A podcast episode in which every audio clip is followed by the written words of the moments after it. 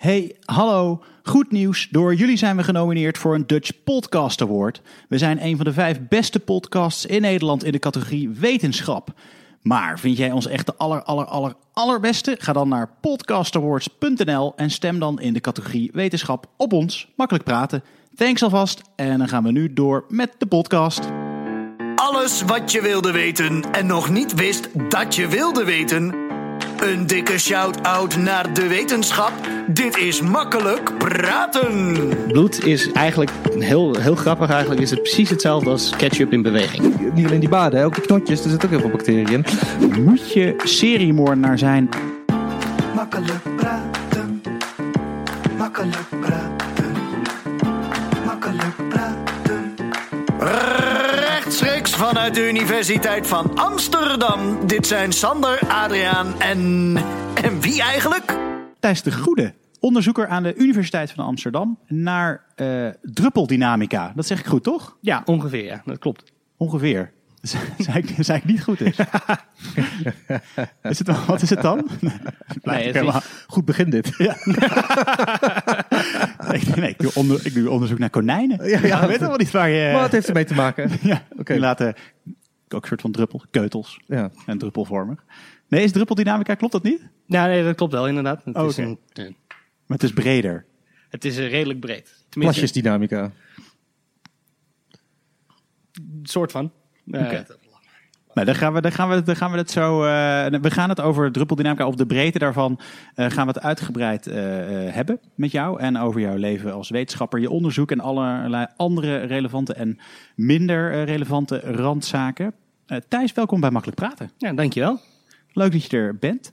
Ehm, de fijne kneepjes van de druppeldynamica. In twee zinnen. In Jip en Janneke taal, zodat ik het ook begrijp. Zo, hier eh, op de, op de UvA kijk ik naar eh, de impact van, eh, van een druppel met een hoge snelheidscamera. Om beter te kunnen begrijpen hoe eh, bloedsporen zich gedragen op een eh, crime scene. Oh, Wel, die bloedsporen die misdragen zich nogal hè, op zo'n crime. Die zitten maar een beetje overal, hè, met een grote bek. ja, al het andere bewijs zit heel, Ja, zit ja, heel zit netjes gewoon in de voorraadkasten. Maar, dat, maar die druppels, nee. Heel veel. Die Nee, maar, overal. maar dan moeten we voorstellen dat je dus eh, eh, extra informatie kan verkrijgen uit de manier waarop druppels eh, zijn gespat op oppervlakken. Ja, dat klopt inderdaad. Dus eh, de, de vraag is bij bloedsporanalyse op een crime scene... is de vraag van als ik een bloedspoorpatroon op de muur heb... kan ik daaruit bepalen wat er nou gebeurd is met het slachtoffer. Oké. Dus eh, wat de politie bijvoorbeeld doet is gebruiken rechte lijnen. Dus als je gewoon die bloedsporen op de muur hebt... heb je dus een elliptische druppel. Ja? En daaruit kan je dus eh, de hoek bepalen van waar die een impact heeft gemaakt met het oppervlak. Ja? En dan met bepaald van de hoek van met de verticaal... kan je een recht lijntje trekken. Dat doen ze bijvoorbeeld ook in de serie Dexter. Ja, ik wou net zeggen. Jij bent Dexter. Nou, ik probeer Dexter te verbeteren. Ah, Ook qua moorddingen. Misschien, Dexter. dit wordt een hele korte podcast. daar, daar wil ik geen antwoord op geven. Dat is heel Nee, maar oh, dus eigenlijk traceer je de druppels terug Ja, tot een bepaald punt. Dat is eigenlijk een, een beetje eh, samengevat, platgeslagen wat je doet. Ja, inderdaad. En als je dan dus meerdere druppels hebt, Ja. dan komt het allemaal perfect samen. Dus in Dexter komt het allemaal perfect samen en klopt het allemaal. Dat is niet helemaal waar. Maar ze gebruiken wel dezelfde methode in, op echte plaatsdelicten. En het probleem is, is als je daar dus eh, een rechte lijn gebruikt, neem je aan dat de druppel in een rechte lijn beweegt. Ja. Maar dat is niet zo. Nee, dat is niet zo, want je hebt zwaartekracht. Ja. En je trekt het naar beneden en je krijgt een boogbaan. Maar waarom doen ze dat dan zo? Want we weten toch al heel lang dat we zwaartekracht eh, hebben. Ik neem aan dat we langer weten dat we zwaartekracht hebben dan dat de crime scene investigations. Eh, dat klopt, maar het probleem is als je dus de zwaartekracht en de luchtweerstand mee wil berekenen, dan Ja. moet je dus weten wat op één punt in, het, in, die, in die baan, Ja. moet je dus weten eh, wat de impactsnelheid is geweest van die druppel en wat zijn volume is geweest. En dat op, tot mijn voorganger was dat nog niet bekend hoe je dat kon doen. Oké. Ja. En dus het probleem is, je, je hebt dan wel eh, ja, een overschatting van de hoogte van je slachtoffer, maar je hebt in ieder geval wel een manier om ergens in een kamer te plaatsen. Dus je hebt wel informatie die redelijk onnauwkeurig is, maar Ja, het is ja. beter dan niks. Ja. Jij, verbetert dat eigenlijk. Dus we weten straks nog meer over waar een slachtoffer zich eventueel bevond op basis van de bloedspetters die je overal ziet. Ja, dat heeft dus mijn voorganger gedaan. Dus die hebben ze op het Nederlands Forensisch Instituut berekend. Dat als het slachtoffer een meter van de muur af zou staan. Dat je al niet meer uit die bloedsporen kan bepalen of hij heeft gezeten of gestaan. Op het moment dat de butler hem neer heeft geslagen met de kandelaar. Ja. Eh, dus Die mijn- butlers, die moeten daar wel echt een keer mee ophouden. Ja, dat is echt ehm, dat, uh, Cluedo-achtig. ja. Heel chill. Ja. Jij Eigenlijk dus- Cluedo speelt, kort- kort- ja, ja, jij wint ook altijd Kort, Cluedo. samen, kort Ja. samengevat ben jij een soort van Dexter die de- dagelijks Cluedo speelt. Ja. Nou, dan kunnen we de podcast afsluiten. En, eh, eh, oké, en dan ging het om zitten en staan. Maar wat doe jij dan nu? Wat, wat kun jij nog specifieker doen? Eh, nou ja, dus eh, wat wij hier dus eh, op de universiteit doen, hebben, hebben dus een model gevonden die dus eh, de, de spreiding van je druppel, dus hoe groot die eh, vlek is, kunnen wij relateren aan hoe snel die het oppervlak heeft geraakt. Ja, En daarmee kunnen we dus heel accuraat de snelheid bepalen. En, ehm, en dus, eh, we hebben dus ook een manier gevonden om met een 3D-scanner het volume van die bloeddruppel te kunnen bepalen. En daarmee eh, heeft mijn voorganger dus eh, terug kunnen rekenen. Waar die dus eerst een overschatting heeft van 40 tot 45 centimeter, heeft hij kunnen reduceren naar 3. Oh. Oh, kijk aan. ja. Waar is die voorganger eigenlijk? Die wil ik nu wel zeggen. Hey, dus, eh, we gaan al best wel veel de diepte in, maar laat, daar gaan we zo direct eh, Ja. gaan nog veel meer eh, over leren. We zitten nu ehm, eh, op het Science Park dus, maar we zitten ook in een onwijs cool eh, laboratorium. En eh, even, even voor de luisteraar om te, om te omschrijven. Het is, ehm, het is misschien ook wel wat je een beetje bij een laboratorium. We hebben een grote stelling, kasten, daar zit van allerlei meetapparatuur in. Er zitten potjes ehm, met jouw naam erop, een beetje een gelige substantie. Dus dat is denk ik de urinetest die je hebt moeten, moeten doen voor deze, voor deze aflevering. Makkelijk praten. Die, eh, dat gedeelte daar ziet er heel erg uit als de natuurkundekast van vroeger bij eh, VWO, weet je nog? Daar Ja, had je altijd zo'n- zo'n hele oude, ja, zo'n soort van beeldscherm met allemaal Ja, knoppen zo'n eraan. jaren, zo'n jaren 80. Ja, eh, jaren en een 80 stuk karton waar ooit iets in lag, maar nu niet meer. En, zo, jaren- en een pendop waar de pen niet meer bij zit. Dat zijn altijd van die typische dingen, hè? Er staat hier verder water. Wat zie ik nog meer? Gedestilleerd water. Gedestilleerd Ja. water eh, staat er. Er staat hier een, eh, wat is het? Een soort van iets met iets waar een druk, drukmeter op staat. Dat is een Ja. vacuümpomp. Een vacuümpomp staat er. Kijk. Makkelijk praten draaiboek, hoe dat ziet hier. is, eh. Wat toevallig. En, eh, en daarachter is iets wat is je collega mee bezig, toch? Er staat een, even omschrijven, er staat een glazen kubus met daarin een spiegelreflex eh, camera en, en een lampje. En iets draait heel hard, waardoor je een, eh, een, een suis hoort. Dus Dat horen wij ook nu, hè? Ik weet niet of de luisteraar dat ook kan horen, maar dat als, je, als je een suisje hoort, dat ligt dus niet aan de opnamekwaliteit. Nee, nee, nee. nee. Dat is niet hoe wij rollen. Dat is omdat Dit de is om de- opnamekwaliteit zo goed is. dat we zelfs dit experiment dat wordt uitgevoerd op de achtergrond hier gewoon mee kunnen krijgen. Kan je daar, want het is wel, wel tof, kan je daar iets, iets over vertellen, Thijs? Het is niet jouw onderwerp, maar ik ben eh, gewoon razend benieuwd waarom er... Er staat namelijk ook een vel op met dikke letters opgeschreven dat ik er niet aan mag komen met mijn hand. Dus dat ga ik hierna niet meer doen. Ja, dus eh, wat ze daar doen is ze kijken naar hoe snel een, eh, een tape, als je die gewoon op de muur ophangt, hoe snel die naar beneden valt. Een, een tape. Gewoon, Oh, gewoon, een gewoon tape. scotch tape, gewoon zo'n Een stukje tape, Ja, ja. gewoon zo'n roltape. Ja. Die hang je aan de muur en die valt er naar beneden. En dat heeft dan eh, dat, dat plakstof, dat, ja, dat is een heel complexe vloeistof. Ja. Ja, dat is dus wat wij hier eh, om- in de softmatter groep eh, bestuderen. En in principe wat mijn collega heeft aangetoond, is dat ehm, als je deze gewoon in de normale buitenlucht zou hangen, Ja. dan kan je eh, de temperatuur bepalen naarmate eh, hoe snel deze tape naar beneden rolt. Oh ja. Wacht even, dus, dus je plakt een roltape aan een muur. Ja, En die, de- een stukje? Of, eh, of Nee, gewoon de hele rol. De hele En- rol. en Dus je dan- pakt een klein aan de- stukje, ja. maak je los. Daar plak je hem aan op een bepaalde hoeveelheid centimeter op de muur. En ik probeer het even te Ik zie wel begrijpen. voor dat je dan een stuk scotch tape pakt, maar dan met duct tape zo vol op de muur plakt. ik dacht dat je daarheen ging. ja. nee, Oké, ja, is Ja. duidelijk. Ja. Ja, de- en, en dan... En afhankelijk van wanneer die loslaat en hoe die valt. nou, ja, nee, dus je laat hem gewoon hangen met de hele Ja. rol eraan. Ja, En die rol die gaat, die laat langzaam los. Dus omdat je er een massa aan zit, ja trekt hij naar zwaar- beneden. zit, en er dan, zit gewicht aan. Ja. ja, dan draait hij los. En naarmate hoe snel die eh, bewe- naar beneden beweegt, hangt Ja. af van de luchtvochtigheid eh, om, eromheen. En daarom Ja. heb je dus die cyst. Dus het is allemaal eh, pure eh, stikstof, om zo eh, de luchtvochtigheid zo laag mogelijk te houden. Ja. Maar ik zie daar geen tape, toch? Of wel? Ja, dat is de, dat wit boel. Oh, oh, de hele, Oh jee. de Oh, hele de, de versterker valt op de grond. stelt op de grond, maar dat maakt niet uit. Nee, dus dat, die, die tape, dat is dat, eh, als je die spiegelreflexkamer hebt, die hangt daar aan de rechterkant. Ja? Er zit zo'n zwart eh, stipje op. ja? Dus dat is de tape. En dan hangt er een gewichtje in. Oh ja. Oké. Hey, Oh maar ja. waarom, waarom, moet je daar, cool. waarom moet je hem daarvoor aan de muur plakken? Want je kan toch ook gewoon hem, eh, hem naar beneden... Je kan hem toch gewoon ook laten vallen vanaf van iets? Ja, dat klopt. Maar dan valt hij gewoon beneden naar zwaartekracht zonder dat je kijkt naar eh, de interactie in die plakstof. Die plakstof is een hele ingewikkelde vloeistof. Het heeft zowel eigenschappen als een vast als een vloeistof. Ja? En door hem dus gewoon het stukje tape aan vast te hangen, kun je kijken naar de dynamica, eh, hoe die plakstof nou precies werkt. Want Ah. wanneer laat die los en hoe la- laat die los? En bijvoorbeeld voor de eh, bedrijven die dit soort eh, ja, tape maakt, is dat heel erg interessant. Want dan kunnen ze nog betere tape maken. Ja, Oké, nooit wat wilde ik net vragen? Want het is wel een heel specifiek ding. Ja. Dus je moet wel een hele specifieke wensenlijst hebben. Wil je weten wanneer een rol tape onder bepaalde temperaturen naar beneden rolt als hij is vastgeplakt natuurlijk. Wie wil Oh, ja. dit weten? Kan je dat zeggen? Ja. Of is het pure Is het- interesse? nee, dit is gewoon pure academische interesse. Dit Oké, is, Oh, eh, mooi wel. Ja. Dus- dus- Ja, toch? Nee, nee, maar ik vind het gewoon dus wel dat er iemand. We hebben best wel veel, we hebben best wel veel type onderzoek al gehad in deze podcast. Maar Mhm. een van jouw collega's, die, die werd 's ochtends wakker en die dacht: Hmm. deze rol Nee. scotch tape. Nee. Hoe Nou ja, dus snel dit- zou die nou naar beneden vallen? En wat doet dat? Nou, dus dit is een idee van mijn begeleider, professor Daniel Bon. En, maar ja, dus om, eh, het is een heel simpel, eh, wat wij een vrijdag experiment noemen. En dat zijn de experimenten die je op vrijdagmiddag doet. Ah. Die jij heel graag wil doen, maar Oh, eigenlijk je begeleiders niet willen dat je doet. Want daar komen de meestal de leukste resultaten uit. Dit is meer de faculteit van huistuin en keukenwetenschappen. En dat komt zo meteen terug, maar dat gaan we nu nog niet verklappen. Maar oké, tof. Heel Wat leuk. cool. Maar Ja. ik vind het sowieso. Dus Ja. jullie hebben dus, dus op vrijdag mag, mag iedereen in, jullie, eh, in jullie vakgroep mag als die wil eh, een, een experiment aandragen wat je eigenlijk niet gaat onderzoeken, maar wat je toch wil weten. Ja, nee, je mag gewoon inderdaad. Dus wij worden gewoon losgelaten om iets te proberen. Dus het idee is van, ja, wij worden hier opgeleid als onafhankelijke onderzoekers. En als jij ineens een idee hebt van, oh, dit lijkt me nog wel geinig om te proberen. Het is wel heel goed dat daar de ruimte voor is. Ja een beetje de creativiteit ook eh, blijven boosten. Hè?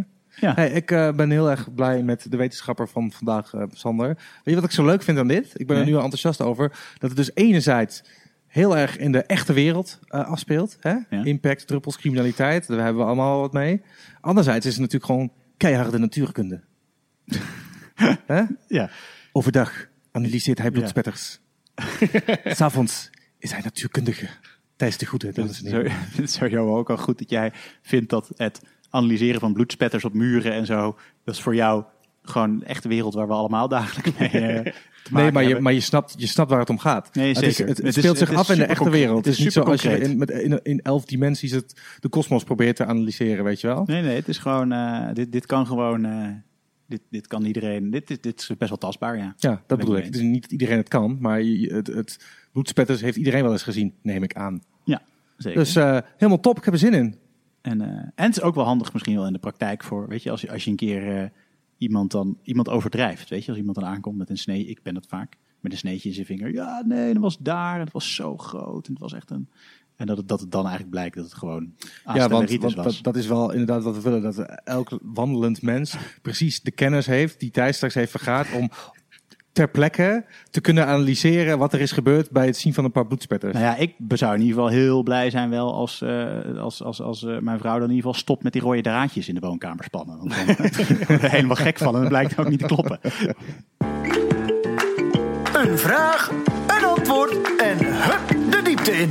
Hey Thijs, eh, wij starten altijd met een paar eh, willekeurige vragen. Mhm. Ehm, en daarmee gaan we eh, in eerste instantie van eh, de regen in de drup, maar eh, vanzelf daarna de diepte in. Eh, heb je een beetje zin in? Uiteraard. Ja? Dan, eh, eh, dat is mooi. Want Aad begint. Ja, Nu? Thijs, ja. Eh, je weet al wat een adblocker is, toch? Ja. Als we met adblockers 99% van alle advertenties weten tegen te houden, creëren we dan niet een resistente advertenties? Dat is een uitstekende vraag. Dankjewel, dankjewel. Ja, we, we zitten hier niet voor niks. Hè? We denken goed na over de dingen die we willen weten en niet willen weten.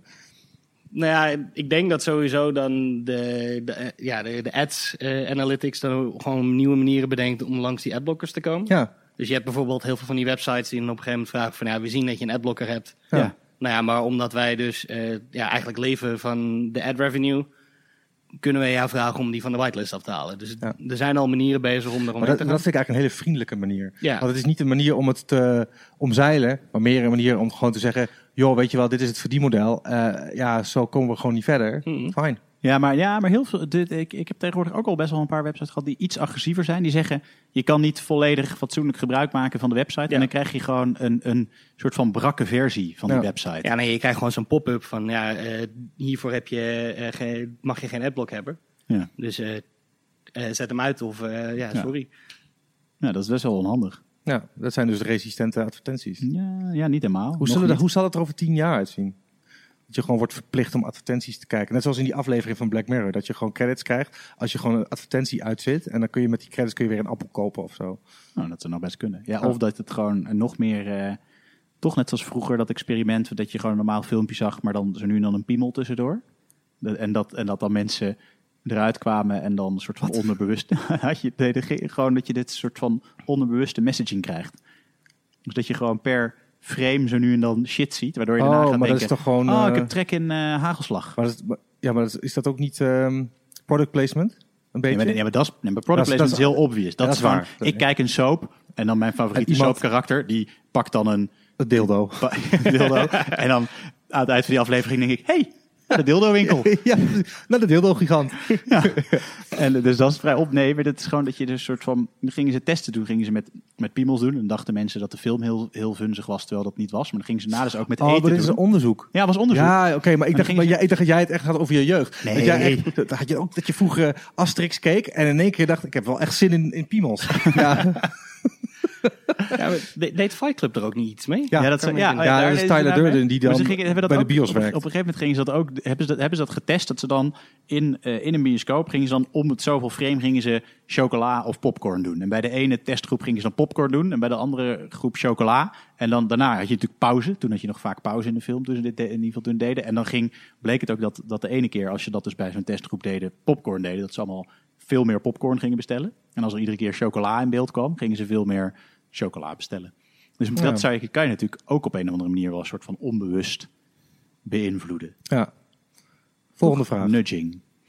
Ehm, oh ja, jij werkt, ehm, eh, jij werkt best wel veel met camera's, toch? Voor, jou, eh, voor jouw onderzoek. Mhm. Waarom zijn foto's rechthoekig terwijl een cameralens rond is? Omdat eh, de, de fotosensor die erin zit, de CCD eh, noemen we dat, eh, waar het licht op valt, die is rechthoekig. Oh. Maar waarom is dan eigenlijk... Oké, dan ga ik hem omdraaien. Waarom is de lens rond terwijl we rechthoekige foto's eh, maken? Ja, dus het, eh, die, die CCD's die we tegenwoordig hebben, Ja. die komen dus van die film af. Ja? En ik gok dat het veel makkelijker is om een eh, ja, rechthoekig filmpje op te rollen dan een mooi rondig eh, filmpje. Oké. Dus ik denk dat je ook eh, aan de randen een deel van het licht dat binnenvalt verliest. Maar dat, is, eh, dat, dat zie je Doordat die Maar, waarschijnlijk... maar het is toch veel handiger als je circulaire lenzen en sluiters hebt qua apparatuur. Want is een rechthoekige sluiter, dat is dan niet te doen? Want dan zou je natuurlijk wel rechthoekig kunnen doen met een frame. toch Ja, Maar ja, hij doet natuurlijk... ja. Maar bijvoorbeeld een lens, dat is iets wat je toch ook vaak ergens opdraait. En dan is het toch veel handiger dat het rechthoekig is? Of ben ik nou heel gek? Nee, dat weet ik niet. Ik, Nou ja, de, de- dus de, Ik stel de vraag. De, sensor is rechthoekig, maar alles in eh, de lens is inderdaad eh rondvormig. En al- altijd ook omdat het rechthoekig is, kan het ook wat beter op de, ka- eh, op de eh, niet, niet de camera, maar de, de computer eh weergegeven ja, je worden. beeld, ja, je beeld- je gewoon Heel onhandig rij om ronde foto's te hebben, ja, dat is wel waar. Nee, maar ik dacht misschien dat het, dat het, dat het, dat inderdaad, dat het resultaat dat het rechthoekig is, dat is handig voor ons. Maar ik dacht misschien dat de rondheid ook iets te maken zou hebben met lichtinval of zo. Ik weet niet. Nou ja, dat, je, dat meer vangt ja. in een cirkeltje dan als je een rechthoek hebt. Of een Dat denk ik ook wel, ja. Maar dat, dat is een goede vraag. Eh, ben je aan het luisteren en heb je het antwoord op deze vraag? Laat het weten. Makkelijk praten podcast.gmail.com. En wie weet maak je wel kans op een hele mooie makkelijk praten mop. Of compliment. Of een compliment. Goed antwoord. Dankjewel. Ja. Oké, eh, waarom stinken scheten harder in de douche? Stinken die harder? Ik, ik eh, merk Oké, nooit ik een ga even opnieuw stellen. Waarom stinken mijn scheten harder in de douche? Eh, dat ligt waarschijnlijk aan wat je de voor, dag ervoor Oké. hebt gegeten. Nee, ja. Of zou wel even vochtige dieet lucht- overwegen dan. Vochtige lucht, geur vasthouden. Ja, ik zou juist eerder denken dat het eerder naar beneden valt als het in vloeistof... Nou, Ja, het ligt eraan of het mengbaar is met vloeistof. Maar Ja, daarom, eh, daarom dacht ik, Ik- ook, dat is iets wat jij wel weet. Maar ehm, ik ben een druppelgedeskundige, geen ja, het kan toch wel dat, dat de... nee, weet je dat- wat het misschien wel is? In de douche eh, sta je naakt. Dus er zit er niet een soort van buffer tussen van een onderbroek en een broek. Dit is wel typisch iets wat we zouden kunnen uitzoeken. Of misschien voor de faculteit van huistuin en keukenwetenschappen kunnen Ja. Dat je gewoon een, een scheet laat en die de, de, de stanken cijfer geeft. En dat een paar keer doet en dan ook een paar keer onder de douche doet. Ja. Dit is wetenschap van de bovenste plank. Ja, dit zou je, dit, nou, als je een keer een vrijdag, over hebt thuis, Ja. zou je, misschien kan je deze dan, eh, moet je wel constante scheet hebben. Dan moet je iets, dan moet je eigenlijk een soort van eh, zwavelgeur steeds loslaten in een douche en in een, eh, toch? Dat is toch wel bij ruiken naar een scheet. Ben je aan het luisteren en wil je dit voor ons onderzoeken? Mail het naar makkelijkpratenpodcast.gmail. Nu bij alle vragen ga je er Makkelijk praten. Volgens eh, onderzoekers verlaagt het aaien van honden de bloeddruk.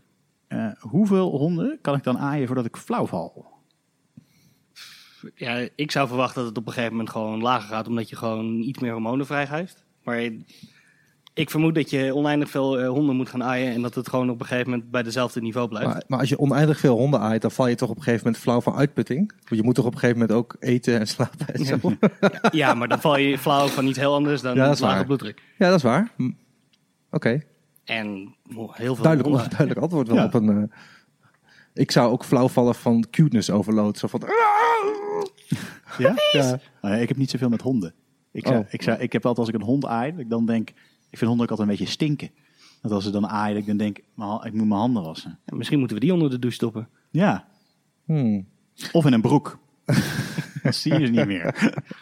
Dat, is, dat is ook een issue. Hè? Van als je een, op internet althans, als je een hond op broek aan zou doen, zou- hoe zou je die dan aandoen? Zou het dan alleen over de achterste poten gaan, zoals bijvoorbeeld bij een mens? Of zou het dan over de vier poten gaan? Omdat het toch, omdat, ja, het zijn toch vier dingen waar die op loopt. Dus die broek moet dan over alle vier de poten heen. Je hebt toch van die doorgefokte honden die het in het echt niet zouden overleven. Die zwinters toch zo'n heel pakje aankrijgen. Dat gaat Ja. over alles heen. Ja, maar dat is weer iets anders. Dat Die krijgen een soort van jumpsuit aan. Ja, maar dat is geen broek. Nee, dat is geen broek, nee. Oké, het gaat een goede kant op dit. Eh, oh ja, zal ik verder gaan? Ja. Thijs, waarom worden er zoveel misdaden gepleegd in de buurt van afzetlint? Eh, ik denk dat dat een soort van eh, correlatie is, geen causatie. Oké, dat zou wel goed kunnen. Maar het is inderdaad een, een een goede observatie. Dat het heel raar dat dat gebeurt. ja. Ja. want je zou toch op een gegeven moment denken... hé, hey, afzetlint, Ja, ik ga mijn misdaad elders plegen. gebeurt, Heb ja. ik ze mooi tuk. Ja, Ja, het kan, het kan ook aan de men, gewoon heel erg liggen aan die mensen die eh, aan het afzitlint. Ja. Misschien is er wel, ik denk graag in complotten, dat afzetlint gewoon de wereld probeert over te nemen door het plegen van moorden. Mensen daartoe aan te sporen. ja, om mensen op belangrijke plekken af te zetten. Ja, dat denk ik. Ga verder op deze gedachte. Ik wil weten wat, wat hier... Wat... Nou ja, dus, dus dat ehm, eh, de aarde is plat.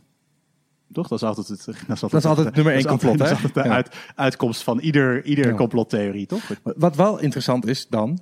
Als de aarde plat is, kun je hem helemaal afzetten met afzetlint. Ja. Maar als de aarde rond is, niet. Want als je dan zeg maar, heel ver gaat, dan ben je op een gegeven moment heb je weer een heel klein stukje lint. ja. Zeg maar, dat- als je een cirkel hebt waarbij je het afzet en je maakt die steeds groter, ga je op een gegeven moment om de aarde heen. Kom je weer terug. ja. Aan de andere kant van de aarde heb je weer een heel klein stukje Val je- omcirkeld tot het weer niks is. Val je van de aarde af. Ja, zoiets heet ook de Harry Ball Theorem, heb ik me laten vertellen. Is dat als je dus haartjes hebt op een bal. Ja? Oké, je moet niet even niet te doordenken, maar Ja, ja, de, jouw her, je hebt een Harry Ball theorie. nee, ik niet. Stel je hebt haartjes op een bal. Ja, vertel. En als je, als je die dus plat probeert te kammen, tenminste, dat heb ik me laten vertellen, Ja. is Ja. er altijd één punt waar één haar recht omhoog moet staan. Wiskundig gezien. Oh? Want? Dat, zo werkt het. in de Maar, dat is, wiskunde. maar je hebt het dan over perfecte bolvormige ballen waar gewoon een beetje haar op zit. Of Ja, gewoon- overal. Gewoon helemaal bedekt met haar. is gewoon bedekt. En die kan je plat drukken. Is het? Ja. ja. Maar dan kun je toch sowieso plat drukken. Alleen dan krijg je niet zo'n perfecte vorm. Ja, nou ja, maar dus wiskundig gezien kan dat niet zomaar. Want je moet op een gegeven moment, eh, duw je ze allemaal in dezelfde richting. Ja? Ja? En op een gegeven moment, op dat laatste punt, moet die ook dan in dezelfde richting staan. Gok ik. Ik weet het niet zeker. De details eh, Oké. gaan me een beetje. Ik ben, ik ben en blijf een druppel. eh, Het eh, gaat wel. Ik zit even. Ik zit, Ben je aan het luisteren en heb je het antwoord hier? Nee, maar ik, maar ik doe nu mijn ogen dicht. Want het is bijna alsof je dan. Nee, want je strijkt hem niet tegen de haren in. Ik zat te denken of, of je dan bijvoorbeeld. Omdat het zo, of dat het zo zou zijn. dat je dan weer terugkomt op een bepaald punt. en dan tegen de haren instrijkt. Of zo. Dat dat de reden is waarom iets omhoog Nee, dat is toch niet zo? Want je, Nee, dat- toch alles nee, mee? daarom denk ik, maar mijn ogen dicht wat wel waar is, dat je kunt het één kant op doen, maar dan moet je ook nog de andere kant en de andere kant en de andere kant. Op een gegeven Ja. moment komt het bij elkaar. Dus die twee fronten die Ja. komen inderdaad bij Ja. elkaar. En daarom staat er altijd in ieder geval minstens één haar omhoog. Dus gewoon scheren. Ja, en, en je moet. eh, het ligt ook heel erg aan natuurlijk de structuur van je haar. Wat? Nou, het is heel moeilijk om balhaar plat te kammen. Dat heeft, heeft vaak geen sluiken. Geen sluiken. eh, Misschien moeten we die reservevraag stellen die we hebben. Nee, nee, nee. toch? Nou, jongens, het is toch vaak dat eh, balhaar heeft, heeft geen, is niet sluik. Oké, maar goed, waarom Nee, worden er... Aad, geef nou even, dat is toch zo? Recapitulerend, waarom worden er zoveel misdaden gepleegd in de buurt van afzetlint? Omdat balhaar sluik is. Volgende vraag. Balhaar is niet sluik. Eh, ja, hey, ehm, eh, je had het net al even over Dexter hè, uit de tv-serie. Hè? Die is dus niet alleen ehm eh splatter analyst. Of een, wat is dat? Is dat in het Nederlands? Bloedspatanalist? Wat ben je dan? Eh, Bloeddruppel. Een BPA-expert heet dat. BPA. Die is niet alleen BPA-expert, maar hij is ook seriemoordenaar. Moet je seriemoordenaar zijn om een goede BPA-expert te zijn? Of het zou wel helpen, denk ik. Toch? Op een of andere... Nou, weet ik niet.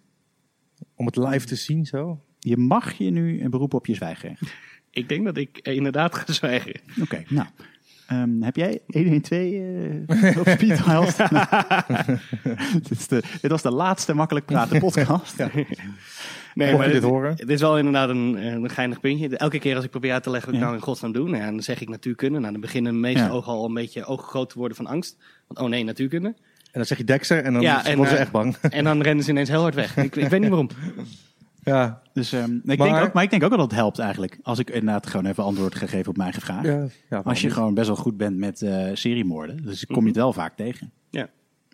Toch? Ja, dat lijkt me dus ook. Dus dan heb je een soort van ervaring. En dan kun je misschien ook dingen zien die je anders misschien eh, over het hoofd ziet. Ja. Maar dat is misschien, dus misschien Maar- ook maar iets voor jullie vrijdagmiddag test. Dat je, dat, Ja. dat je gewoon probeert hoe het, Elkaar neer te steken. dat je gewoon als seriemoordenaar aan de slag gaat op Ja. vrijdagmiddag. Ja. Ik wel En dan eh, kijken of je dan een betere, eh, be- betere analyse kan maken van eh druppeldynamica. Ja. Nou ja, dat ik heb een keer zo'n testje gedaan, maar ik ben er heel slecht in. Dus dat is een goed... eh, Eh, je, je, hebt, je, hebt een keer, je hebt een keer een stuk of 15 mensen als test, een keer een stuk of 15 mensen vermoord. En ook tegen allemaal zeggen, oké, allemaal nu zo blijven staan. Nee, je beweegt.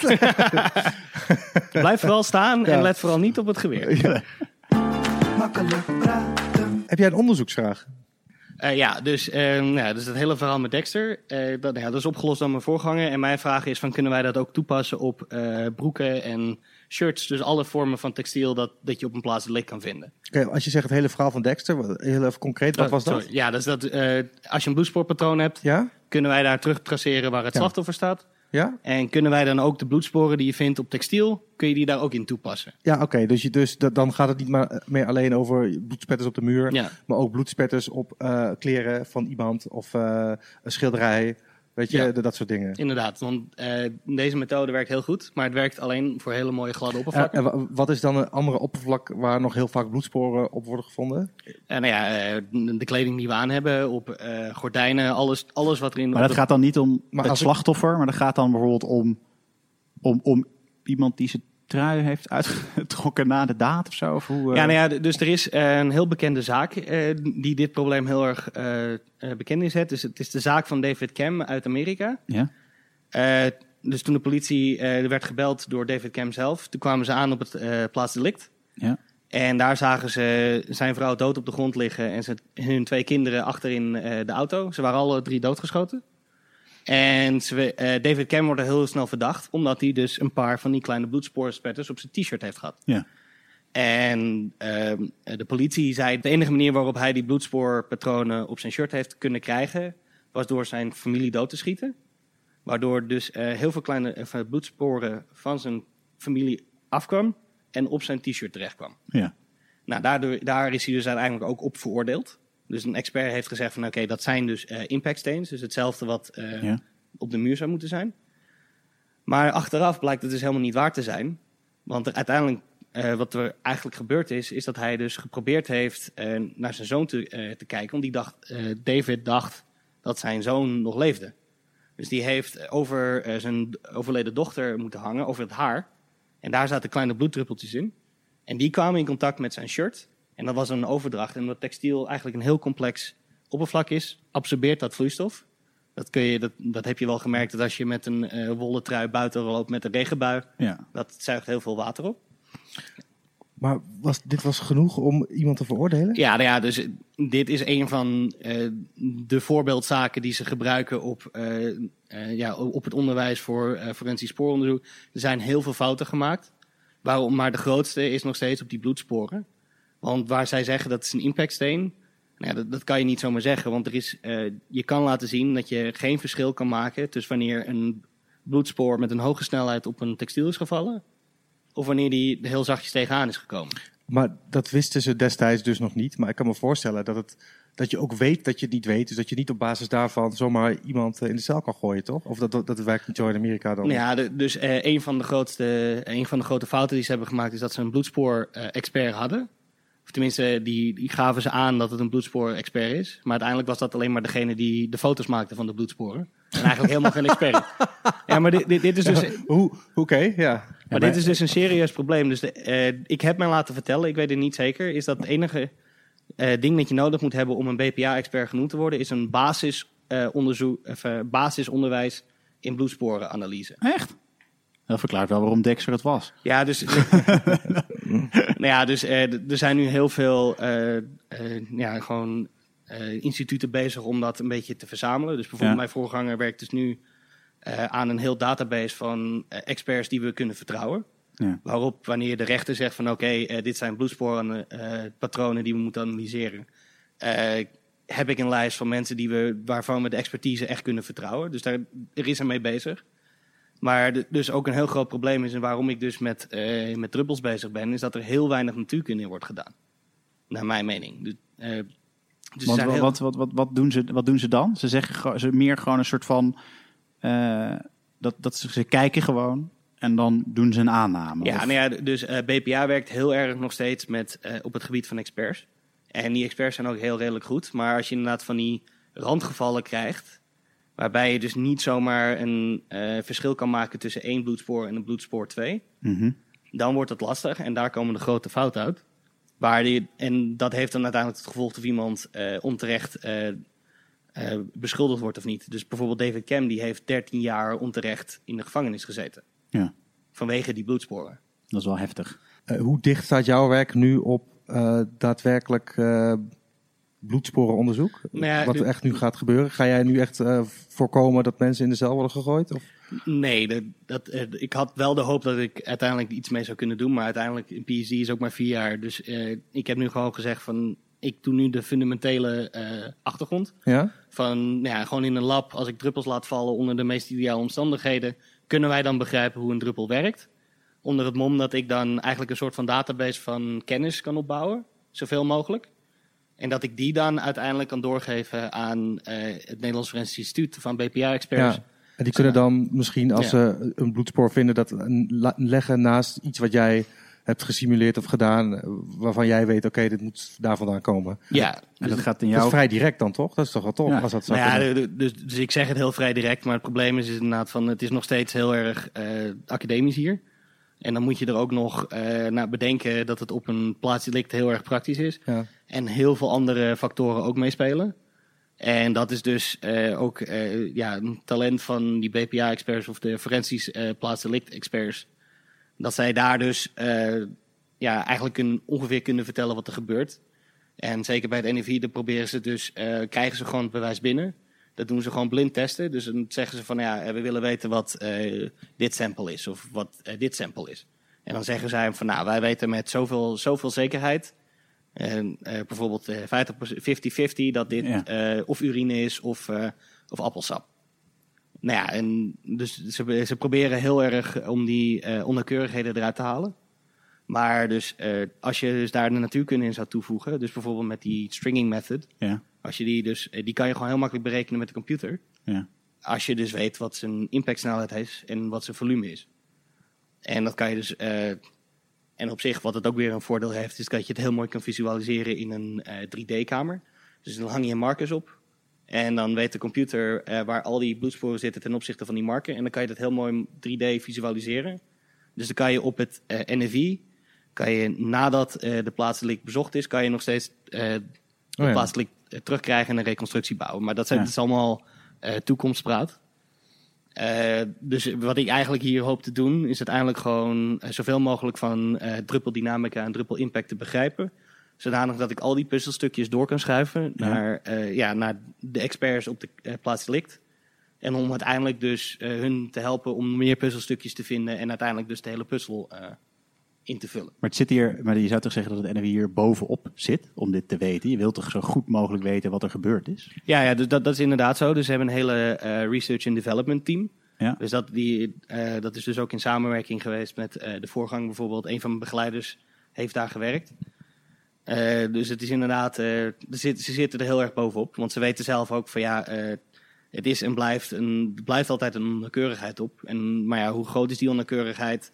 Ja. En hoe zeker zijn we van eh onze resultaat? Want dat is echt heel erg belangrijk als je dus in een rechtbank zit. Ja. Makkelijk praten. En jij doet het dus, ja, en jouw onderdeel gaat nu specifiek over hoe dat op kleding. eh, Of stoffen, moet ik, het, moet ik het zo zeggen. Ja, nou ja, dus Of, of is het echt andere? Want de, je voorganger deed, eh, vertelde je net, ehm, je voorganger deed, ten aanzien van de muur, wat relatief gladde, strakke Mhm. oppervlakte zijn. En wat, en wat onderzoek je? Want je kan niet, misschien niet oneindig veel type oppervlakte onderzoeken, Nee, klopt. ik. En dat is dus het eh, idee van waarom ik dus nu zoveel mogelijk puzzelstukjes probeer te verzamelen. Dus inderdaad, textiel is een enorm complex probleem. Ja, maar je hebt natuurlijk ook nog honderdduizend, weet ik hoeveel verschillende Mhm. soorten textiel. Ja, het hangt af van welke fibers je gebruikt. Het hangt af hoe je die fibers in elkaar weeft. Of je Ja. überhaupt wie, eh, ja, die fibers aan elkaar weeft of niet. Hoe het gewe- geweven is, hoe groot de, de poriën zijn. Van, dus de, de, de mogelijkheden zijn oneindig.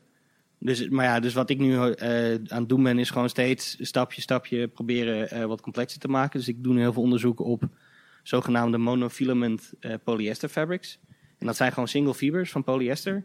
Gewoon om en om geweven in een, ja, in een soort van eh, ja, een schaakbordpatroon. Dus Ja. over, onder, over, onder. En wat voor, even, even om, om, het, om het beelden te maken, wat voor type eh, stof zou dat zijn wat ik zou aan hebben of zou gebruiken? Nou ja, ze gebruiken deze stof om bijvoorbeeld dingen te saven. Dus het is een heel simpel, er zitten gewoon gaten in. Ja, En ze weten heel, heel goed hoe groot die gaten zijn. ja. Dus die kan ik ook onder de microscoop leggen en, en nachecken. En dat is gewoon prima.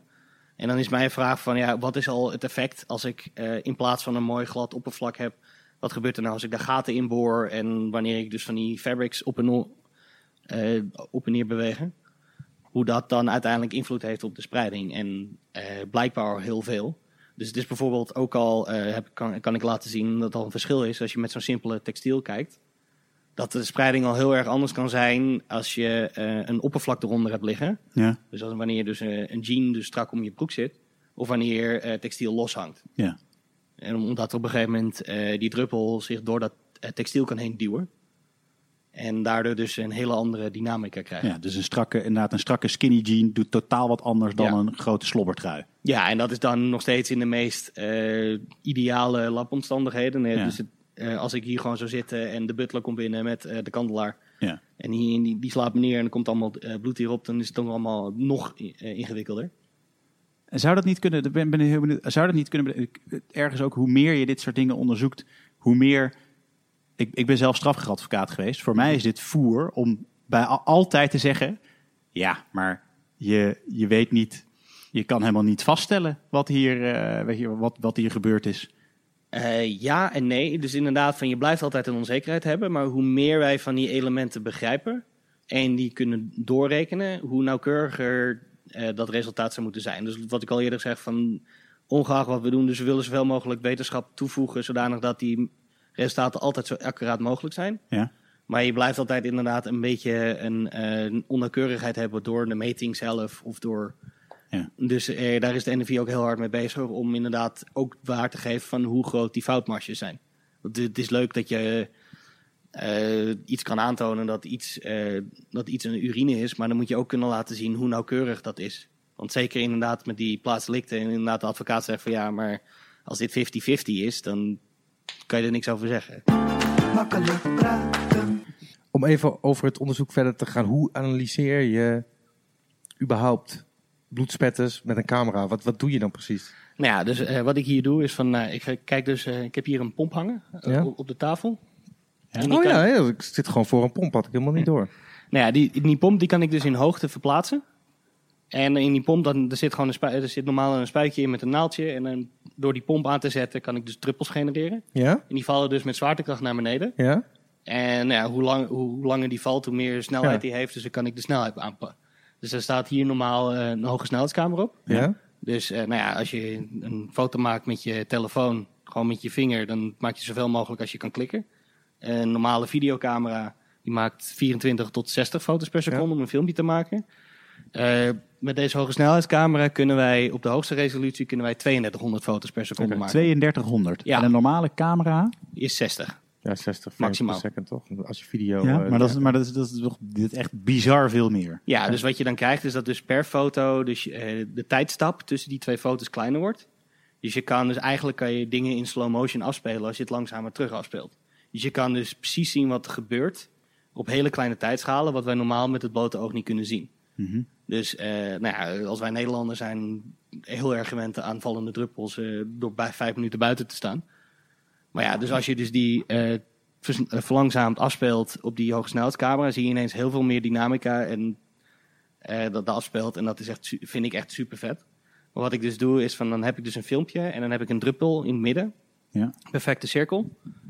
Nou, en wat ik dan doe is, eh, ik, sele- ik selecteer de frames waar ik in ge- geïnteresseerd in ben en waar die druppel dus spruit. Dat is dus op een eh, tijdschaal van een milliseconde, dus een duizendste van een seconde. Ja. Op het moment van impact dan. Ja. Ja. Dus die valt naar beneden en eh, voor elke frame, voordat hij dus, eh, in- totdat hij een impact maakt, dus wanneer hij in contact komt met het oppervlak, Ja. bepaal ik het middenpunt van elke eh, frame die ik heb. Ja? En daarmee bereken ik de snelheid door het verschil in afstand eh, te berekenen over de tijdstap. En dan zet ik er ook een lineaaltje naast, want dan weet ik eh, hoeveel pixels, eh, hoeveel echte lengte is. Ja. Ja. En je weet dan ook gewoon het, zwaarte, of het zwaartepunt. Ja, dus dat is gewoon, ja, het is een eh, perfecte druppel, dus het is gewoon een perfecte bol. Eh, Je maakt hier een perfecte bol.